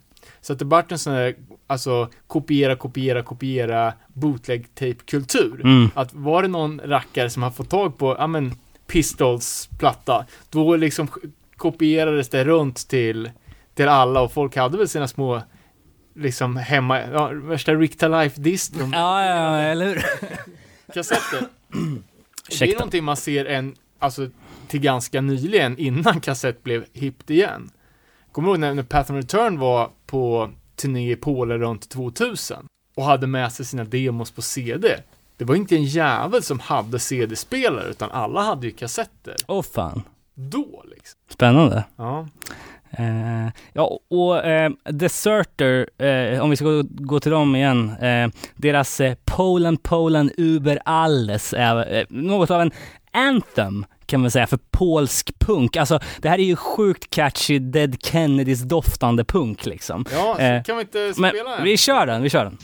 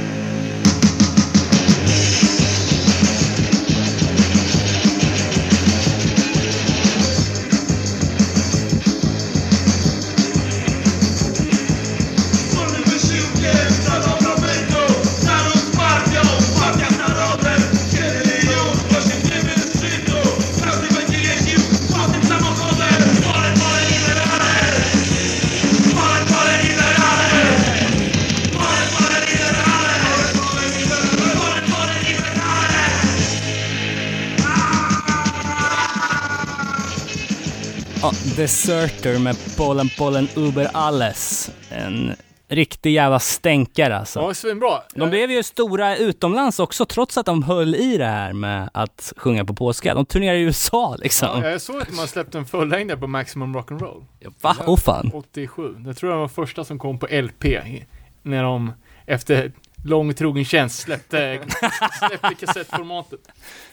Eh, Men, alltså, jag lyssnar på det, de har ju, det är svårt att sätta sig in i ett nytt band, eller för en nytt band, som har släppt 15 fullängdare. Men ett tag så funderar jag på, bara, har jag fattat fel liksom? Deserter, betyder det blandband på polska eller? För det, det var ju verkligen spridda skurar. Från råpunk till crass till Nationalteatern. Ja, de, de har ju hållit på jävligt länge och de har, verkar ha skjutit brett liksom. Men Ja, verkar ju ha varit ett enormt band. Vi såg ju några liveklipp här när det var hur mycket folk som helst. Ja, 35 000 ex av en punk 7 är ju, det händer ju liksom inte. ja det är bra jobbat. Mm. Men jag, jag skulle nästan kunna sträcka mig till att lägga rekommendationen att bara lyssna på det gamla. För det känns som att de, alltså jag hörde vissa låtar de har, ja men lite som såhär Strebers Deras Alma börjar inkorporera folkmusiktendenser. Fast eh, då inte det svenska med fiol och sånt utan mer såhär dragspels, Balkan, Jaså? fast ändå inte på, på ett bra sätt. Var- Ja, jag vet fan. Det kändes som att det var bä- bättre i början. Av de andra tidiga polska banden så har jag de här tre andra som jag nämnde då. Det är Sikera, Post Regiment och Simeon X. Eh, jag vet inte om det finns något att säga om dem mer. Ja, jag vet fan. Post Regiment var ju också från Warszawa, precis som Brugada och eh, Deserter. Så Ja. Det verkar vara det som var punkcentrat. Just det. Eh, och det var ju alltså eh, ganska intressant liksom var de fick sina influenser ifrån i och med att det var ett så pass slutet land. Eh, de eh, pratade i någon intervju om att liksom, att det engelska bandet Raincoats, någon som har hört talas om? Nej. Ja, vad jag, jag har aldrig hört talas om dem heller, men att det var eh, typ ett new wave-band som, liksom de enda som kom till Polen. Det är ett band som ingen i Sverige bryr sig om. Med reservation för det, klagomuren. Eh, men alltså, de blev pissstora i Polen. För att det var det enda utländska bandet som kom och spela. Åh fan. Susie and the Banshees kan ha varit det, jag fattar inte riktigt om de var där eller om de inte var där. Men, men det är också så här att, eh, ja, i, i ett, ett eh, land utan, med, med, brist på, på referenser utifrån så att man odlar sitt eget, eget sound och att de få polska banden som fanns på den tiden sålde jävligt mycket och vart liksom verkligen stora. Just det. En intressant grej här, som, som också är med lite reservationer för att jag eh, har hittat motstridiga uppgifter. Men jag läste en jävligt intressant eh, artikel på den fenomenala men nu nedlagda bloggen, det här var länge sedan, eh, Crucial Times. Eh, det var ju eh, någon sorts eh, eh, japansk hardcore konnässör av rang som skrev om massa coola grejer. Eh, han hade i alla fall en artikel om Dead Kennedys Fresh Fruit for Rotting Vegetables. Som släpptes i Polen på, ja, på, på ett polskt bolag. Och det här, det här kom inte förrän 87. Vad är, ja, vad fan, ja. Den är ny alltså. Sju eller åtta år gammal. Men att den då släpptes på Polton Records. Aha. Eh, som i den här artikeln beskrevs som eh, det kommunistiska partiets egna skivbolag. Mhm. Vilket är jävligt unikt. Ja. Eh, dels var vi ett av de få banden, amerikanska banden, som, som släppte på det här bolaget. Eh, men också att det är ett så pass, alltså, fan det är ett amerikanskt punkband och Dead Kennedys, de är ju, ja, nu är ju Jelly Biafra i alla fall, han är ju Green Party, men det var ju i alla fall, alltså de är ju väldigt frihet, de är ju by no means ett kommunistiskt Nej, nej, nej. band. Så det är ju också jävligt skumt att när det var ändå ganska petnoga med vad som släpptes igenom liksom. Och det var ingen bootleg? Nej, det är ett officiellt släpp liksom. Är den rare eller? Det är en eh, 200-300 kronors skiva. Jag har den med en poster. Det är jävligt tunt omslag. Man märker att här, papperskvaliteten är liksom lägre. Vilket gör också att den blir lite lätt porös och kan gå sönder. Ja, okej. Eh, men sen så, så läste jag på ett annat ställe dock att, eh, att det var, att det fanns tre bolag i Polen på den här tiden som drevs av polsk diaspora, alltså pola, polacker i, något annat land. Så det kan vara så att några frifräsare som Som kan, ja, utifrån systemet. precis. Eh, men ändå jävligt intressant tanke att liksom den polska regeringen har satt sitt sigill liksom. Ja, Dead på Dead den Kennedys, amerikan, eller den enda punkplattan som var liksom legit med Och det är ändå från, eh, Sovjet. det är ändå under, Bandnamnet. Ja, det, och det är ändå under Reagans heydays som de gör detta. Så att, eh, Ja, det var exakt. Det var ju kalla kriget. ja verkligen. Sjukt. Ja men ska vi hoppa in på 90-tal då? Eh, Jag vill gärna prata om berg och floder sen.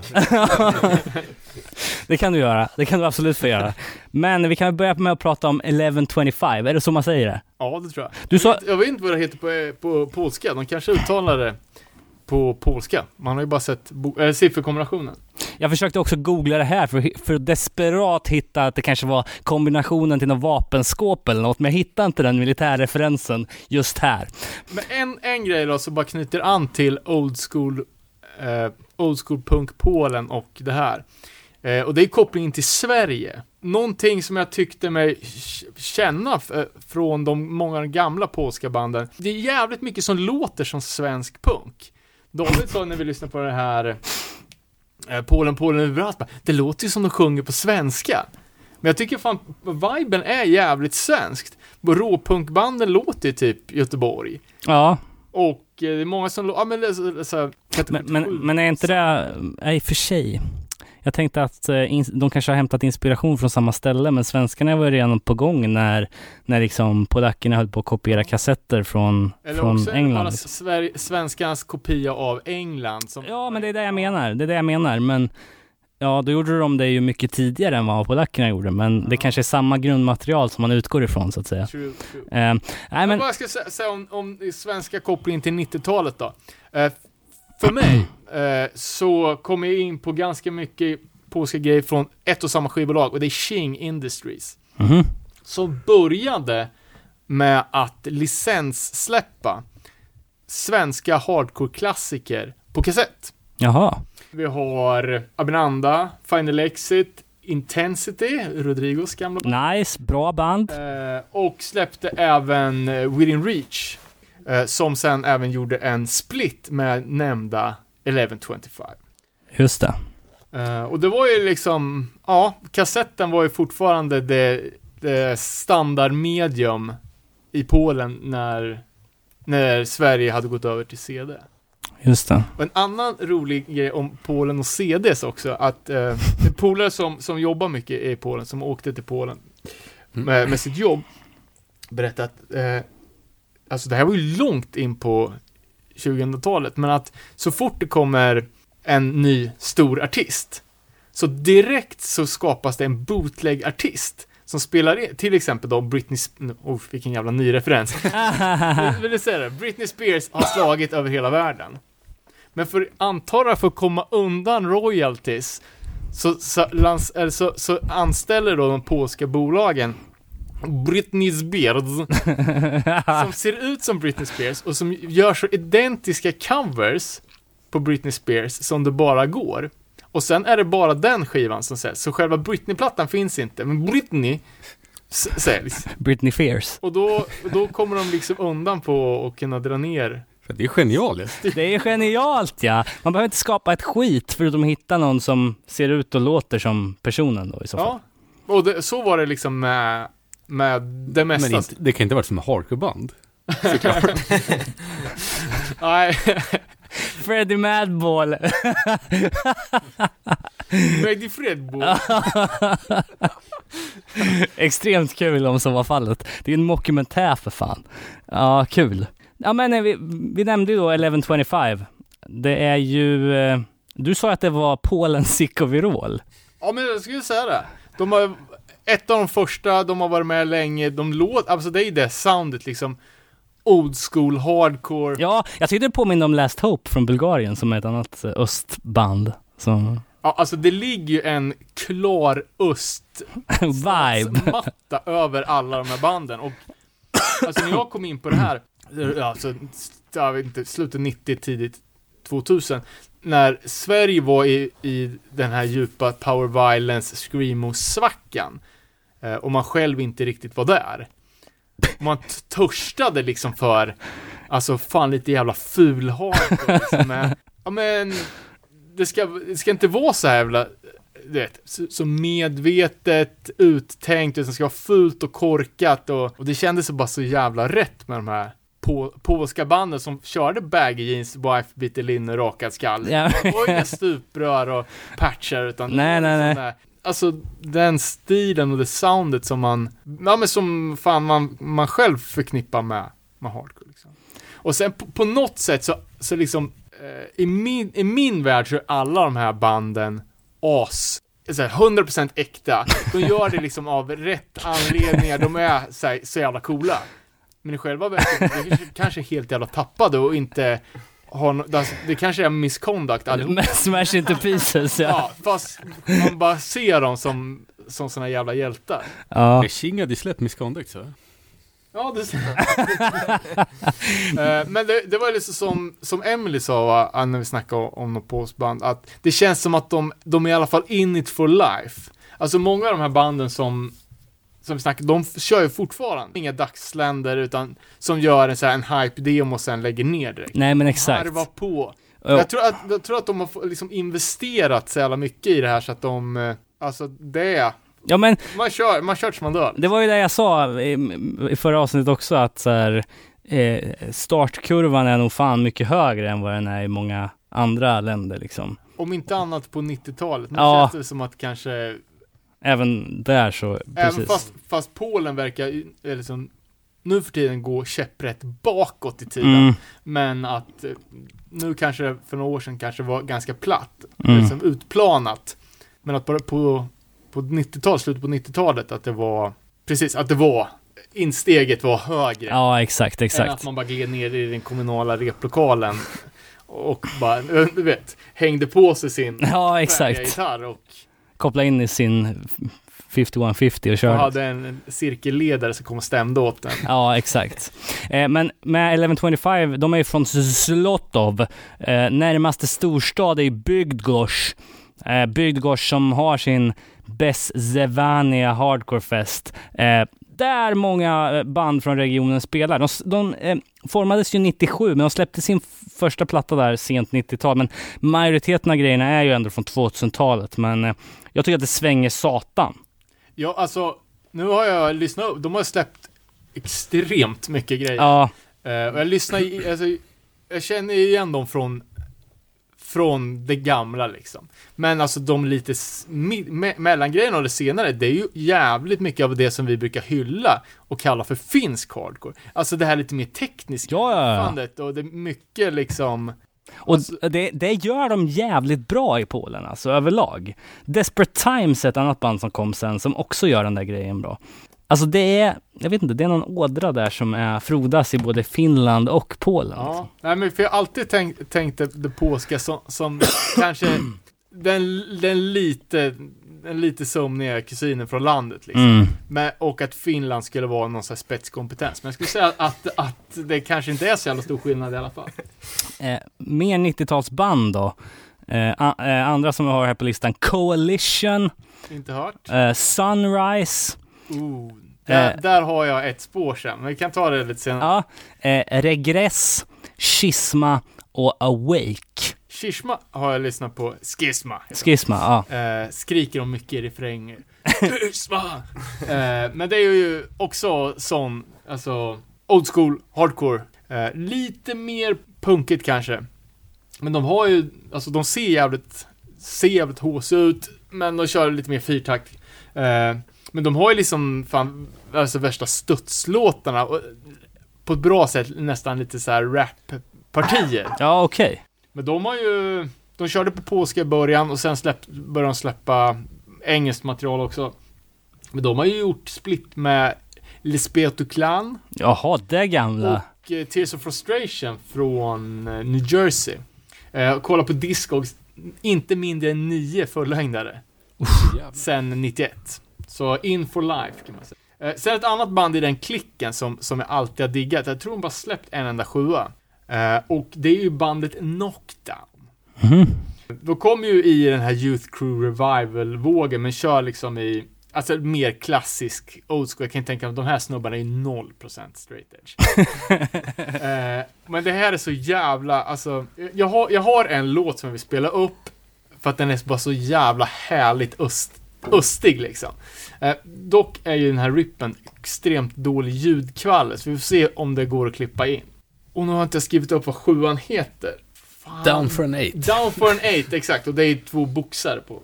Men det är också så här sjukt otrendig, ful, old school. Fast jävligt charmigt.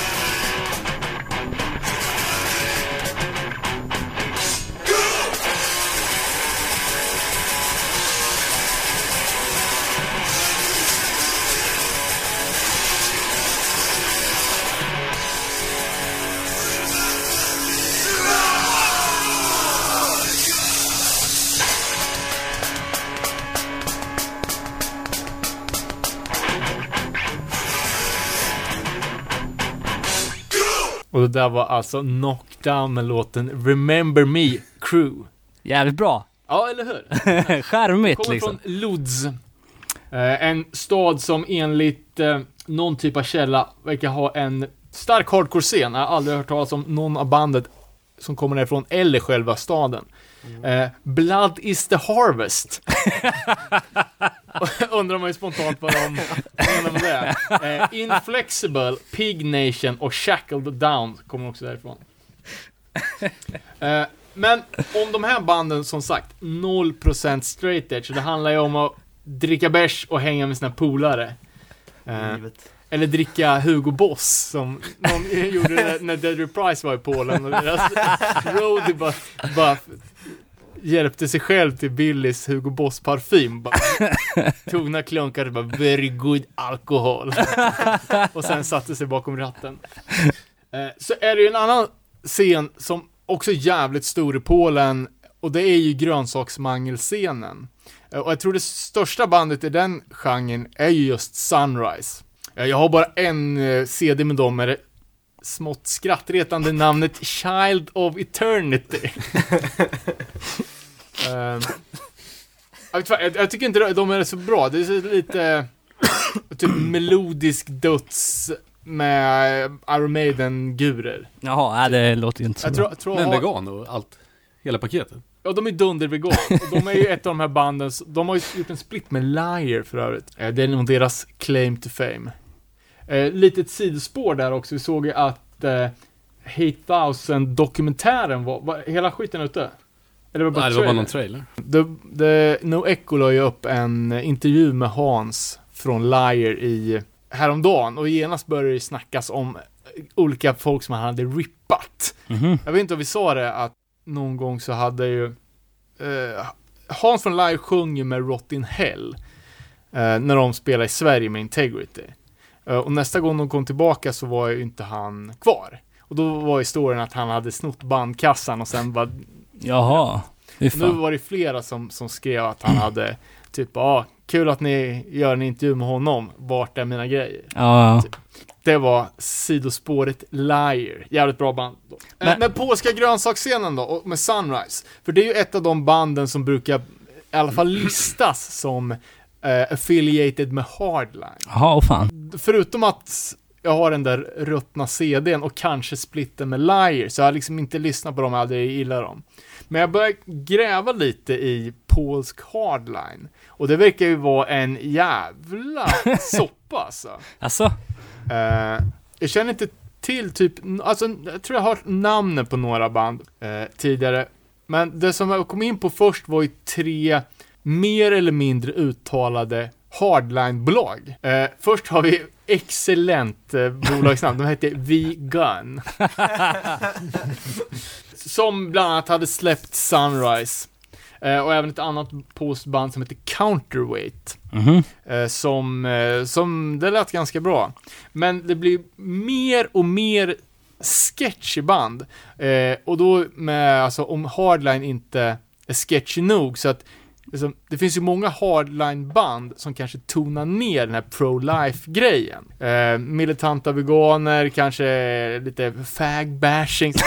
Just den här, det är verkligen heta potatisen pro-life, är det ju inte alla som tar. Dock,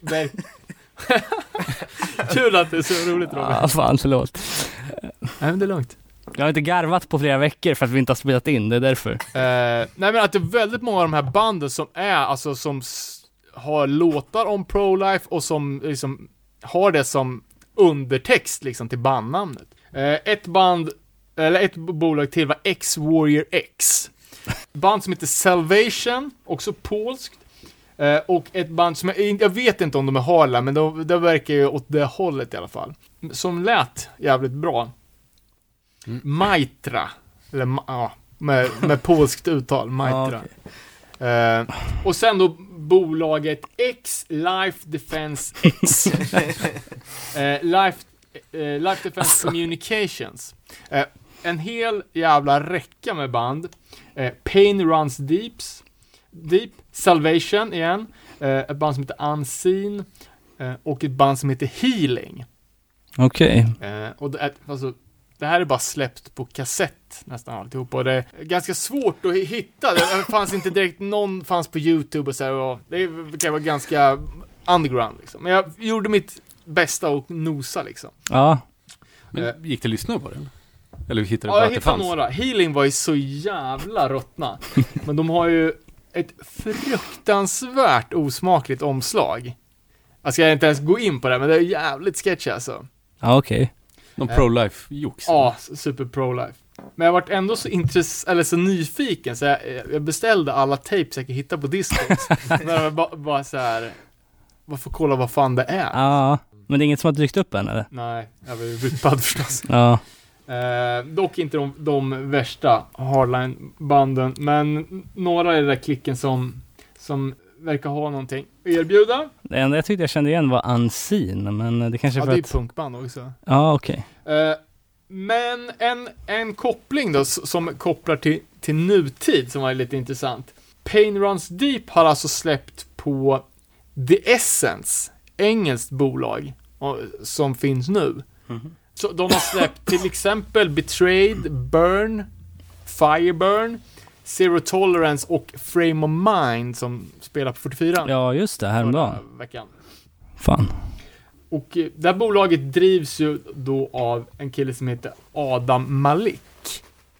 Eh, som är en polack visar det sig, som, som bor i London nu. Som är djupt eh, affiliated med många av de här banden och har typ jag tror att han som ligger bakom det här Life Defense Communications. Och det fanns ju fler personer som eh, från det här, så det här är ju mitten på 90-talet, men som fortfarande är aktiva i hardcore i nutida band Jaha. för, från Polen. Eh, så Scoop, finns- alltså. Lite, Är inte Polen katolskt också? Jo, exakt. För, och det är också en, en tanke liksom, under kommunisttiden så hölls ju kyrkan jävligt kort. Men alltså, ja. Efter vad när det var glasnost och perestrojka och det, det var ju som 89-90. Och då började ju kyrkan vinna makt igen. Och jag vet inte om det har byggt upp någon typ av religiös hunger hos folket. För alltså kyrkan är ju huge i Polen. De är Ja, ja, ja, ja, verkligen. tokiga Verkligen. i Och de, det känns som att de har påverkat mycket av det, den lagstiftningen som vi ser försöks genomföras idag. Ja, med liksom super anti-abort och sådär. Ja, för alltså det finns ju så ultra, alltså de är ju katoliker, ultrakonservativa lobbygrupper som jobbar för alltså, ja men typ den kristna motsvarigheten till sharia-lagar i Polen just nu. Eh, Så jag tänker om att liksom de här strömningarna med pro-life redan finns i samhället. Att det är total, det är noll konflikt för ett hardcore-band att ta upp de grejerna. När alla andra redan tycker det. Och det är lite som, Verkligen. som vi såg liksom, eh, jag vet inte om vi, om vi har pratat om Salt Lake City. Eh, men det var ju liksom, ja men, eh, den militanta straight edgens mecka i eh, USA. Mm. Och liksom, ja, att den scenen alltid har målats ut som den värsta, eller liksom du vet, om man snackar om militant straight edge. Eh, men just att eh, Salt Lake City i Utah, där typ 90% av alla där är mormoner, vilket att de inte dricker, röker eller tar droger redan från början. Så hela befolkningen, alltså alla på skolan är ju redan straight edge. Ja, precis. Och då, om man nu ska vara det, då måste man ju liksom Coola till det. steppa upp det rejält för att det ska bli någon skillnad från de, an- eller som de andra kidsen. Ja. Så Ja, det känns det- som att det kan, att det, det kan bidragit till deras eh, hardline och eh, pro-life-vurm, de här banden. Ja, verkligen. Intressant som fan. Och också att det är så, liksom, prominenta figurer i hardcore idag som Ja. fortfarande har connect. Jag såg något eh, live-klipp på Bring Me The Horizon när de spelade i Salt Lake City för jättelänge sedan. Då de vart attackerade av eh, militanta straight edge. Det var skitroligt. det, det känns ju som eh, underhållning. Ja, Det vill man ju se. Ja, vad fan. klassiskt. Ja, men framförallt för att den Salt Lake-grejen var ju en 90-talspryl. Och, Bring Me The Horizon, de måste ju vara svinnya liksom. Ja, det, var, Det lever kvar alltså. Ja, tydligen. Spännande. ja, är, är vi klara med 90-talet eller har du några fler band som du vill droppa där? Annars kan vi ta klivet in på 2000-talet. Uh, Nej, jag tror det var nog det. Ja, eh, ja men vi, vi, vi pratade ju då, eh, vi började ju resan med eh, Deserter som är ett stort band från Polen och eh, på 2000-talet här så gjorde ju även Government Flu entré. Känns Eh, som att man spelar mycket i Sverige. Jag har spelat i Örebro. Ja, man spelar väl så jävla bra. Ja, De har ju spelat överallt, alltså det är ju ett av de... Vi bokade dem på stationen för Okej, när vi fortfarande var vid centralen. just det. Eh, men ja, för, för de är fortfarande superaktuella och turnerar hur mycket som helst liksom. Men de verkar ha hållit på jättelänge också. Ja. Ja, jag vet inte. Jag tror att de bildades på 2000-talet. Ja, Men de Ja, var det väl något jag. tidigare band också. De var också smetade. Okej. Government Flu också, Dead Kennedys referens. Ja, Cirkeln är sluten. verkligen. Eh, ja, det jag skulle vilja lyfta fram från 2000-talet i alla fall, det är ju Identity. Eh, det är för dig som saknar Section 8, typ. Eh, de släppte... Sjukt att Identity är väl, det är ju Linköpings Old School Hardcore bandet och Section 8 är ju typ från Linköping. Ja, ja, för fan. Cirkeln slut. Det är många cirklar som sluts idag. Ja, Ja, det Eh. räcker bara med en väldigt, väldigt lös koppling till någonting. My Identity släppte ju grejer lite s- mitten senare 2000-tal, men eh, 2008 tror jag, eller 2007 så kom ju något som heter Second Demo ut. Eh, och Fyndigt. den självbetitlade låten Sjukt om det hade varit deras första demo. Ja. Eh, Den självbetitlade låten Identity är en jävla banger och den tänkte jag att vi skulle lyssna på.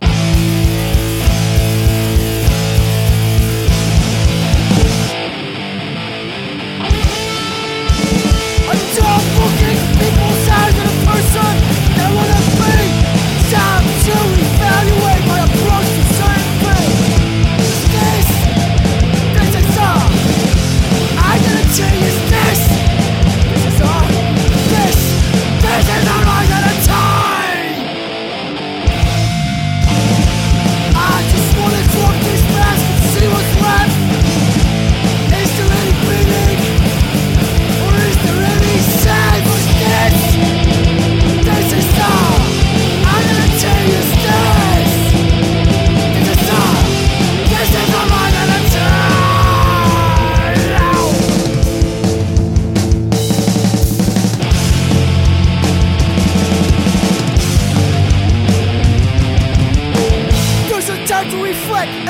Time to react. But the question is, we identity last. We identity last.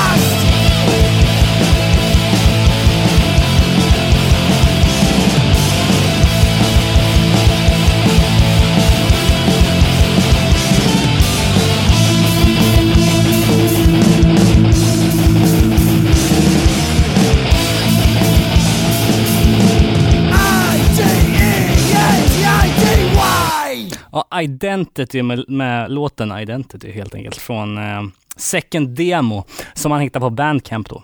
Var det purfärs där? eller?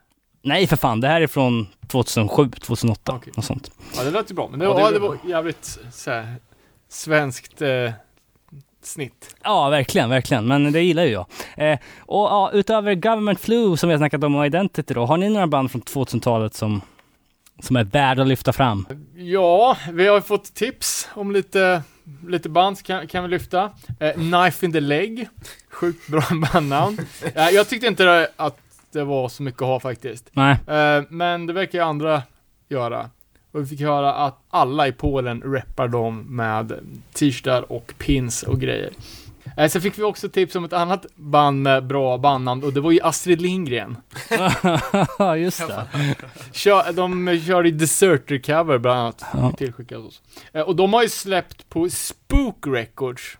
Eh, Spook Records, de, de har ju gjort det är ett stort polskt bolag, har släppt alltså mm, lätt 100 prylar. De har släppt eh, 1125, Schisma, men även svenska band som Dead Reprise, eh? Stay Hungry, Spider Crew, som vi kanske ska prata om lite nästa gång, och eh, typ Danny Diablo, Vietnam. eh, så det är som ett eh, st- stort bolag och har då även Astrid Lindgren i katalogen. eh, Love tipsade om en bitter, lite trött döds. Men de gjorde en Morning Again-cover hörde jag. Vilket var- Då kan det vara den bra. gjorde, de, den gjorde de fan bra. Men ett band då som, som är modern Polen. Ja, nu, är det, nu är vi inne på 2010 och framåt menar du? Ja, eller Ja, har okej. du någon mellanperiod där? Nej, det är väl några som man kan nämna på 2000 mer då. Ca- Calm the Fire, Drip of Lies och även The Black Tapes. Som är så här framstående polska band på 2000-talet. Men ja, Men det känns som det flyter ihop för alla band börjar ju 2010. Ja, exakt, exakt, exakt. Ja, men vi, fan, vi hoppar på eh, nutid, eller 2010 och framåt då, helt enkelt. Ja, nej men alltså, jag tänker om vi ska prata lite om vad som har hänt i Polen de senaste typ fem åren. Ja, Eh, för det känns ju som att, alltså, Polen har ju, det, det kändes ju som att Polen var liksom öststat light, men att det sen hade blivit liksom jävligt västvänligt och ja, men typ som ett, ja men i, ett alltså, vanligt land, inom situationstecken. fotbolls-EM 2012 gjorde ju jävligt mycket för det. Hade Pol- de det eller spelade de med det? Ja. ja, nej, Polen hade det tillsammans med Ungern tror jag. Och då blev det ju, alltså, säga vad man vill om, om eh, liksom Fifa och, och, och så, men fotbolls-EM, eller så här stora mästerskap, man olympiader, ett bra det är liksom- mut, ett mutsystem. Ja, ja men exakt. Nej men alltså det är på något sätt så är det ju... Kom inte säga att det är ett sigill för att man är ett bra land, för då är det ju... Nej men eh, Man det var ju... Man kan säga att eh, Polen blev ju godkänt av västvärlden i och med det. Ja. Men man har ju alltid haft lite fördomar om Polen. Ja, Som att det är lite ja, ja men alltså säga vad du vill, du kanske inte håller med om det här men det är ju faktumet är ju att det är så. Eh, Men ja, varför får Sverige det aldrig då? Ja fan, men det handlar ju, det är ju en ekonomifråga. Eh, men, men eh, grejen som är nu är att om, om eh, väst har öppnat sin famn mot Polen så har ju Polen snabbt dragit tillbaka den utsträckta Ja, handen. verkligen. Och det är ju liksom, eh, jag vet inte när de, när de kom in i regeringsmakten, men det är ju så här, och det är ju, regeringspartiet i Polen nu heter ju Lag och Rättvisa. Och bara på namnet så hör man att det här är ett, ett parti som inte pysslar med lag och rättvisa. De- Det sysslar med förtryck och orättvisa. Ja, exakt. Eh, men de vann ju valet i alla fall 2015. Eh, vad som av vissa beskrivs, beskrivs som en jordskredsseger. Och de är ju demokratiskt valda, men sen så hör man bara, ja, men det var ju bara 50% av de röstberättigade som tog sig iväg och rösta. Uh, eh, och de fick ju 37% av rösterna. Så det är ju, det är ju inte en överväldigande majoritet av populationen som stödjer det här partiet. Men det första som hände var ju att eh, de började sparka tjänstemän eh, och domare som inte är lojala med, med partiet. Eh, och ganska direkt så tog de också över public service och gjorde det till ja, men det officiella partiorganet. Eh, och började ju direkt liksom, ja men stänga gränserna och piska upp ett eh, hat mot övriga Europa, speciellt EU, och alliera sig med nyfascister som Viktor Orbán i, eh, Ungern. Jag vet inte fan, vad man ska säga liksom att de har ju samma mentalitet som, alltså alla så här jävla, ja, men, SD-partier runt om, runt om i Europa liksom, att de är Konservativa deluxe. de- deluxe, men just att det här liksom rasismen är liksom själva grundkärnan. Och jag menar, det SD håller på med, det är ju liksom att de hatar på, på invandrare. Men det blir lite så skumt, med Polen eftersom ett, de tar inte emot några invandrare. Och två, för fan, på 80-talet och 90-talet så i- utvandrar ju de som dårar. Alltså det bor 80 000 s- po- po- polacker i Sverige. Ja, det bor De väl för var ju- fan flera miljoner i England. Ja, så de har ju utvandrat som galningar. Och ändå då så ska de ha sitt muslimhat och invandrarhat liksom. Ja. Men det var ju som du sa. Högerns starka sida. Nej, men också bara en så jävla liksom så här tragikomisk grej. Eh, och så, såg jag, jag tror det var på det, var du som tipsade om den här eh, SVT-dokumentären, så Gud, eh, vad fan hette den? Polen och politiken. Ja, exakt. Det var ju jävligt intressant tyckte jag. Ja. Men också det där som bara, en, eh, ett citat som, som jag tycker liksom belyser lite hur jävla skevt det här resonemanget är. Och då är det någon sån här rasistkärring som bara håller på och, och klagar liksom att det är, det är så dåligt nu. Och då säger de bara, "Ja, nu, nu för tiden så kan man ju inte ens sitta på bussen. Och alltså, en svensk rasistkärring hade ju liksom sagt liksom att, ja, kan man inte sitta på bussen, det ska inte vara fullt med muslimer. Men i Polen finns det typ inga muslimer och inga invandrare. Då får jag bara, ja, nu får man sitta på bussen och så hör man hur de pratar tyska. det är bara, ja, okej. Och då är det liksom inte tyska för att de, att de hatar nazismen, utan då är det ju för att de hatar Angela Merkel. Ja, exakt. Så, så det är intressant och det är också så här annan dubbelmoral att Polen matar ju in eh, EU-bidrag. Ja, de gör det. Ja, och ja men de har skitmycket EU-stöd och ändå så är de så här liksom som att EU är en, Fiende liksom. Ja. ja men så, som att det är en, liksom en nationell konspirationsteori. Du vet såna här jävla, alltså, Men var inte som de- alltid, som, som alltid refererar till allting som fake, allt är Ja. fake news. Eh, Och, och jävligt lagda åt konspirationsteorier just. Det var ju någon flygkrasch de pratade om. Så de var helt säkra på att EU låg bakom. Ja, Hmm. ja precis. Nu, nu vet inte jag det, men nu kommer fan inte ihåg vad den nya presidenten i Polen heter. Men hans tvillingbrorsa var ju med i i en flygkrasch, låt oss säga 2010. Ja, när hela parlamentet typ dog. Ja. Och då hur, ja men är det så alltså att de har, att det var EU som gjorde det? Jag kommer inte ihåg om det var EU, men att det var... det var inte ett fel på planet. Det var Men man- man får ju tänka så här också, för att inte dra för stora växlar på det här. Alltså som du sa, det var, 50, det var hal, halva landet som gick och röstade.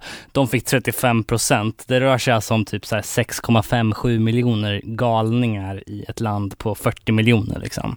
Men ändå att så här, vad, vad mycket lågt röstdeltagande ändå kan göra för det demokratiska systemet Ja, med tanke på hur mycket de har tagit över liksom. Ja, precis. Och just det att de bara skriver om grundlagen. De har ju fått, alltså, jag hörde på, på radion liksom de sa att eh, Polen är det första, första landet som är med i EU som har fått den typen av reprimand från, från EU att de håller på med, fan man ska säga korruption är det inte heller, men det är att de, att de håller på och ändrar sina, sina grundlagar på ett, det är liksom på ett eh, eh, totalitärt sätt. Ja men exakt. Att de, en, att de liksom sakta men säkert liksom styr om hela landet till ett, eh, en enpartistat. Ja, exakt. Och jag menar det där det känns ju som att eh, eh, Alltså, de kommer inte förstå hur mycket EU betyder för dem först de blir utkickade och, och inser att eh, det, det liksom cykliskt kommer gå tillbaka till 50-talet i det där landet liksom.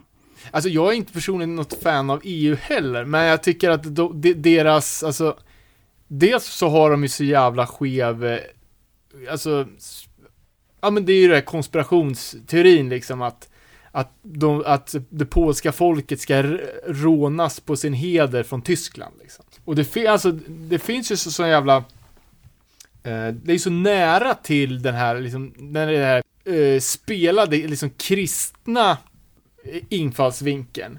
Alltså det, att de är konservativa kristna. Att det hela tiden går liksom hand i hand. Det är liksom KD, SD-viben. Och att nu är det liksom superkatolska nationalister som har extremt stort inflytande och som, som tar mer inflytande påverkar skolorna, vad som ska läras ut. Liksom och eh, jag hörde någon liksom som, som, som pratar om att de på riktigt ser Jesus som den lagliga kungen i Polen. Och det är ju, alltså vad fan, det är ju ett skämt. Det är ett garv. Men å andra sidan, det var ju bara någon vecka sedan som, eh, som Pol, eller som eh, borgmästaren i Gdansk eh, vart knivmördad av en typ nazisnubbe. Just fan, som var det hetsad liksom Ja. av, eh, ja men det är ju som värsta, precis som Trump gör i USA, att han hetsar folk mot olika saker. Ja, precis. Liksom, "Ah, de- den där personen, media, de är lögnare, de är nationens fiende. Och precis så håller de där lag och rättvisa på och piskade mot den här då borgmästaren som var, jag vet inte om han var socialist eller om han var socialdemokrat eller, men han var ju inte, han var ju motståndare till regeringen i alla fall. Och sen så då, ja då triggar ju den någon, någon jävla, Galning. och sen så, så dör han. Ja, det är sjukt alltså. Eh, men ja, jag vet inte om man vill spekulera kring vad, vart Polen kommer befinna sig om 5-10 år, men det känns ju som att om det inte sker någon form av organisering i det här landet så, för jag vet inte vad det finns för politiska motståndare till eh, ledande eh, statsapparat, men, eh, men eh, det känns som att om det inte organiseras och, och det har de ju alla möjligheter att göra med tanke på att de har organiserat sig mot ett eh, kommunistiskt, fascistiskt parti tidigare. Liksom. Ja. Ja, frågan är, jag, jag tror alltså att de, att eh, eh, regeringskritiker, de, att de försöker damma av Lech Wałęsa igen. Ja, Och det var ju fackföreningsledaren som hade, eh, det var ju en, en eh, fristående fackförening som inte var, ja, som inte var kopplad med staten. mm, Som var ledande i att när de skulle, ja men i princip fälla krokben för hela, he, hela kommuniststyret i Polen. Att han är som nationalklenod så att de skulle kunna liksom damma av honom och eh, försöka attackera lag och rättvisa med, med hjälp av honom som landsfader. just det, just det. Men vad var det som det här, ja, tillbaka till hardcore, liksom att någonting som vi har lärt oss under historien är ju att är det någonting som, som, som brukar, något positivt som brukar komma ur såna här politiska situationer är det ju att det är jävligt bra hardcore-klimat när det är piss. Verkligen. Folk behöver ju den här jävla ilskan och frustrationen för att ha, alltså fan för att skriva bra texter och för att vråla av sig i repan. Eh, vi får väl hoppas att, att folk kanaliserar sitt, sitt hat eh, på, på det sättet. Ja, eh, jag vill i alla fall nämna tre band den här sidan av 2010-talet då som är, som är bra. Eh, Fight the Mall eh, är ju ett band som började typ 2010 som har Fast, alltså, fight, alltså slåss mot köpcentret eller slåss mot alla? Ja, Fight them all. Okej, sorry. Roligt. Ehm, de, de, trött. de har harvat på. Eh, jag kommer ihåg att de spelade förband till oss var där 2011. Eh, men det är ju snabb eh, Youth Crew Hardcore typ. Eh, rätt poppis nu för tiden i Polen faktiskt. Spelar på de flesta stora festivalerna och turnerar även en hel del. Eh, så att de kan, kan man kolla in. Eh, Last Days, som är det här eh, Rattel Crew eh, liksom spetsbandet. Eh, Rattel Records som har släppt mycket bra polsk hardcore, inte minst typ, ja men, eh, Iron to Gold. Ja, de har Eh, släppt massa amerikanskt också. King Nine, ja, precis. Day by Day. Precis. Eh, mycket bra skit där. Eh, de släppte ju sin, deras bästa är Fatality 7 tycker jag. Eh, som kom typ 2013. Eh, Men jag, jag har ju, jag kommer inte ihåg, jag har en, eh, en Last Days med Z, eh, sjua som jag köpte när de spelade i Norrköping va? ja, Känns Det är som också att- med någon, med någon så här, stor Kosack. vinterrock typ. Ja. Ja, exakt. Limited Edition Tour Sleeve. Men jag har fall aldrig spelat den där sjuan tror jag inte. men de är bra. Fan vad bra de var när de höll på. De la ju ner 2014. Men visst, visst känns det som att det var en period när det var polska band i Norrköping var Jämt. varannan helg? Och Verkligen. det var, det var bra tider alltså. Ja, verkligen. Det var det. Inte den festivalen de hade där, då Unity Fest. Exakt, då var det väl alltid minst ett påsband. Ja, ja det var jävligt... eh, Va- Violent Reaction spelade och var så jävla ruttna. Headlina något år och det var Ja, just det. Det sög. Men däremot så spelade ju Iron to Gold, har jag för mig, på typ Jönköping Hardcore Fest eller De så. spelade i Norrköping också. Också? Ja, okej. Ja, Bra. Och det är ju fan bra. Jag vet inte fan vad som hände med det här bandet alltså, men helvete vad det manglades på alltså. Eh, Ja, sen Ja, finns det ju ja, jättemycket jag, andra. Jag känner också att, att fan, jag har gett Iron to Gold lite för lite kärlek. För det är ett sånt där band som bara, ah det var väl fett då, man köpte någon sjua. Men inte riktigt tänkt på kanske så mycket som dess. Men jävlar vad bra det är alltså. Ja, de har ju i alla fall tre releaser på Bandcamp. Eh, Soul Traveler, The Power of One och In the Zone. Power of One är ju svin.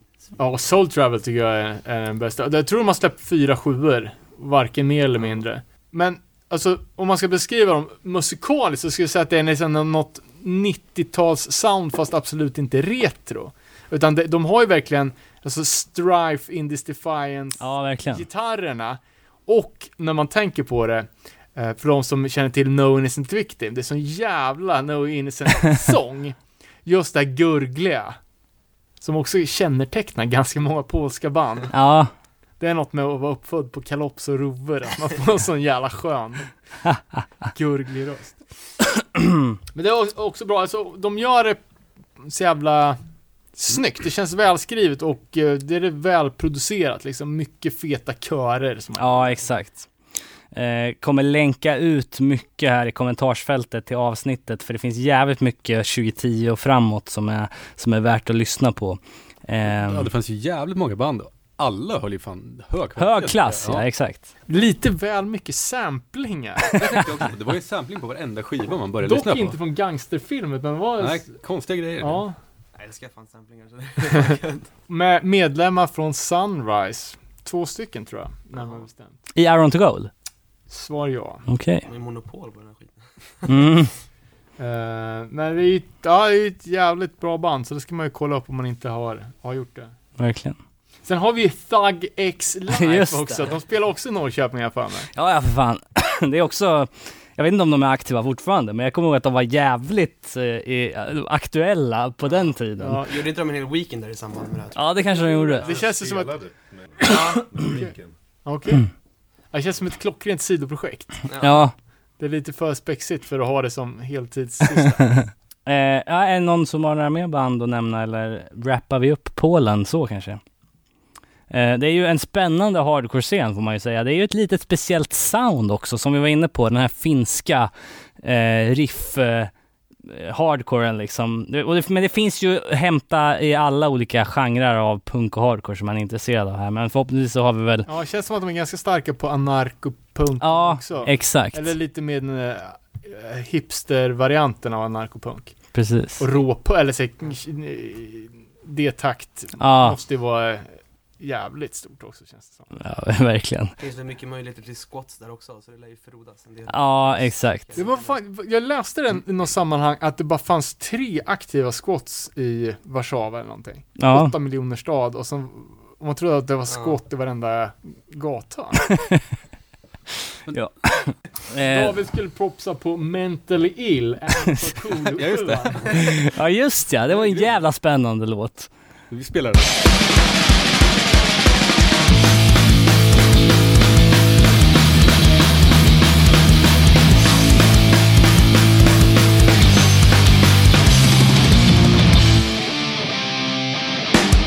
You're not like animals.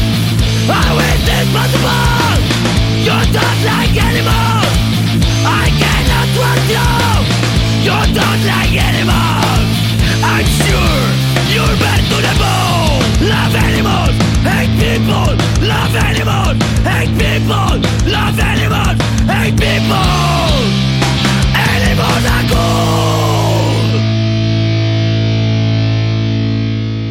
Alltså Mental Ill med låten Animals are cool.